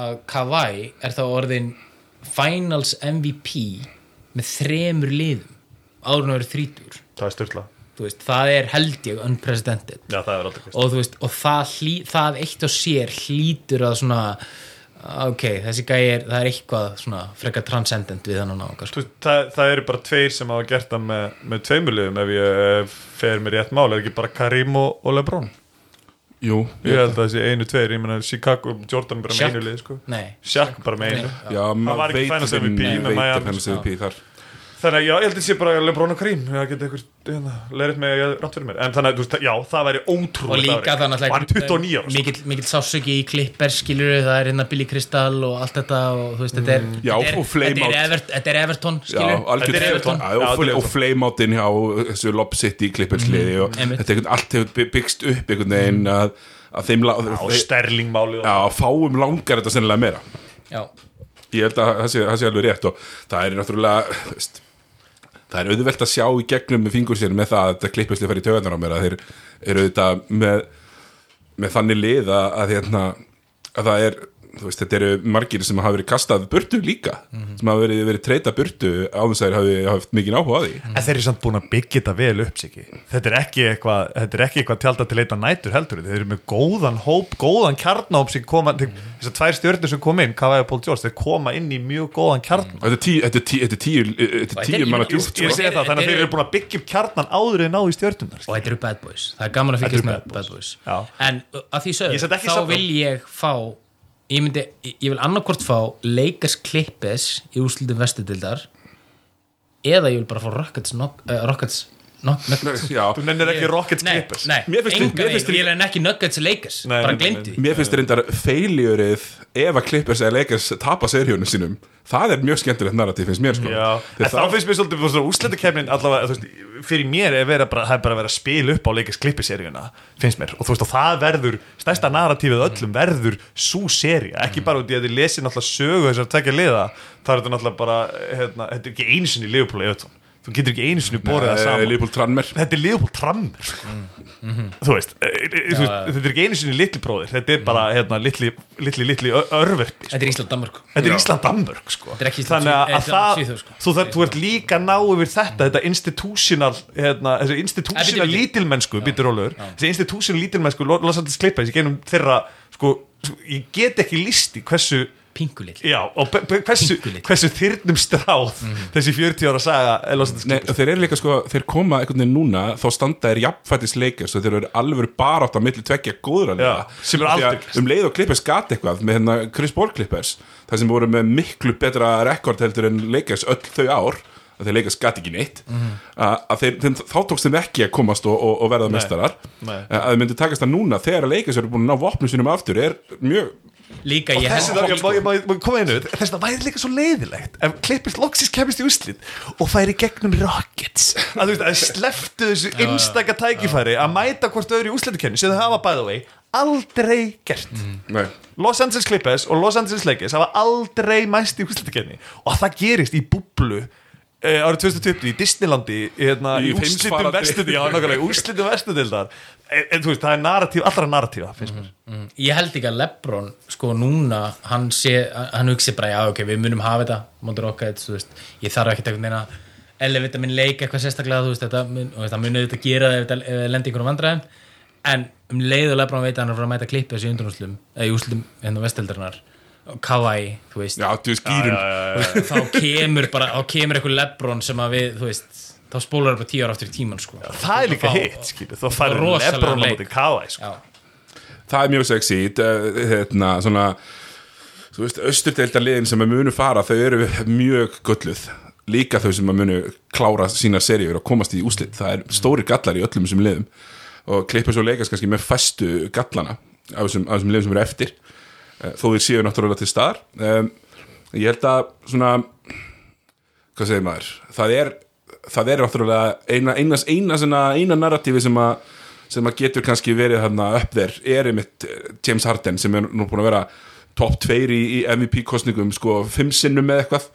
Og, og hérna hefur fleima út þess og hörður, hörður myndist á aðan að það er náttúrulega pínu svona hæ, Harden kemst yfir hömpið. -hmm. það er alveg það er alveg narratív sem að er pínu sexy sko.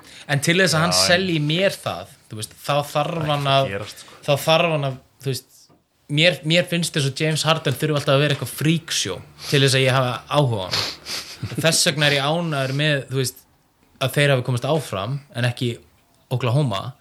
En að það heldur möguleikanum á einhverju freakshow áfram og eina ástæðan fyrir ég myndi nenn að horfa á Houston er möguleikin að James Harden sé að fyrir að setja ykkur met og sé að fyrir að gera ykkur hluti sem bara enginn hefur gert aður og bara, þessi- bara um að veist, starta bara 40 stíðum með þetta leik í úslikettinni eða skora 70 stíð leik e- eitthvað svona dæmi sko. og til þess að hann þú veist, ef að Houston ég segi ekki verið mistar eða kennst í úslit og James Harden er bara svona 35 stík Já, Þú veist, það er ekki að gera neitt. Þa, það var einmitt þessi að Það er segja, eitt af fallegasta við íþróttir er einmitt þessi, þessi, þessi vonum upprissuna skilur, eins og þú er svo oft talað um guðfæraðingurinn sjálfur, að þú, að þú gefur okkur þetta moment, þú veist, við erum búin að, erum búin að gefa okkur vombriði öll þessi ár skilur, að þú gefur okkur þetta moment það sem að það sést loksið skilur, já ok, þú ert, þú ert real deal sko, þú skora bara 47 stig í leik 7 skilur, ég bjóst við að við myndum sjá, mm. þú veist það er búið að tala um þetta svo ofta að Janis sé ekki hérna playoff-leikmaður og myndi flame út í úslutikemni og allt þetta, við erum ekki að sjá það þar. Nei, vonin er að mögulega sjá það frá James Harden. En ég er bara, ég er ekki viss. Ég er ekki seldur að því sko. Og ég held að sé bara, sé bara hérna, sé bara litla líkur á því eða þú veist, getur James Harden gert sko, já ok, hann getur skorað ógeðslega mikið, þú veist, en, en er hann getur hann gert þetta, getur hann einhvern veginn komið okkur meira á óvart. Af því að hann er búin að, se, hann er búin að setja standardin svo ógeðslega hátt sko, og við verðum, okkur finnst þetta bara eðlilegt, eins og þú veist þegar hann er ekki valin MVP, Já. þegar Russell Westbrook er valin MVP og töluna sem James Harden er að skila þá er hann alltaf bara eitthvað rugg og hann er bara algjörlega einhvern veginn það er bara, er litið fram í hún sko. Þetta kemur alltaf bara að punktinu sem þú komst að bara mjög flottu punktur sem þú komst inn að fyrir tapið tveim tími síðan að þú veist, regular season er bara ekki að sama playoff og það er bara sterkasti punktur heldur sem við komum inn í kvöld að, að það Lebron, að James Harden skori 35 steg með það legg þrjú tímabili röð og þetta er svo alltaf, alltaf hvert einasta vor, haust núna nýri í 27-8 stegi er bara svolítið, hérna, sýnir það dæmi einna helst? Að þetta er bara allt annað bolti og þú, þú getur ekki gert það sama á regular season og Nei, já, manni finnst kannski, maður horfir að leik þá finnst manni kannski mm, Kava Lennart dóminera leik með 32 stig. En þess Harden skora 32 stig þá finnst manni bara að vera svona njeh. Það kannski er það sem að hérna, svona, Kiri James Harden svona, ekki það compelling gæja sko. en já, eh, einn og hálfu tími eh, við hérna ætlum að fara að loka þessu. Ég, hérna, við fyrir þakka kella fyrir sig. Hörður, takk, Takk fyrir mig. Gumi, takk. Takk. Bara virkilega Heiður. næs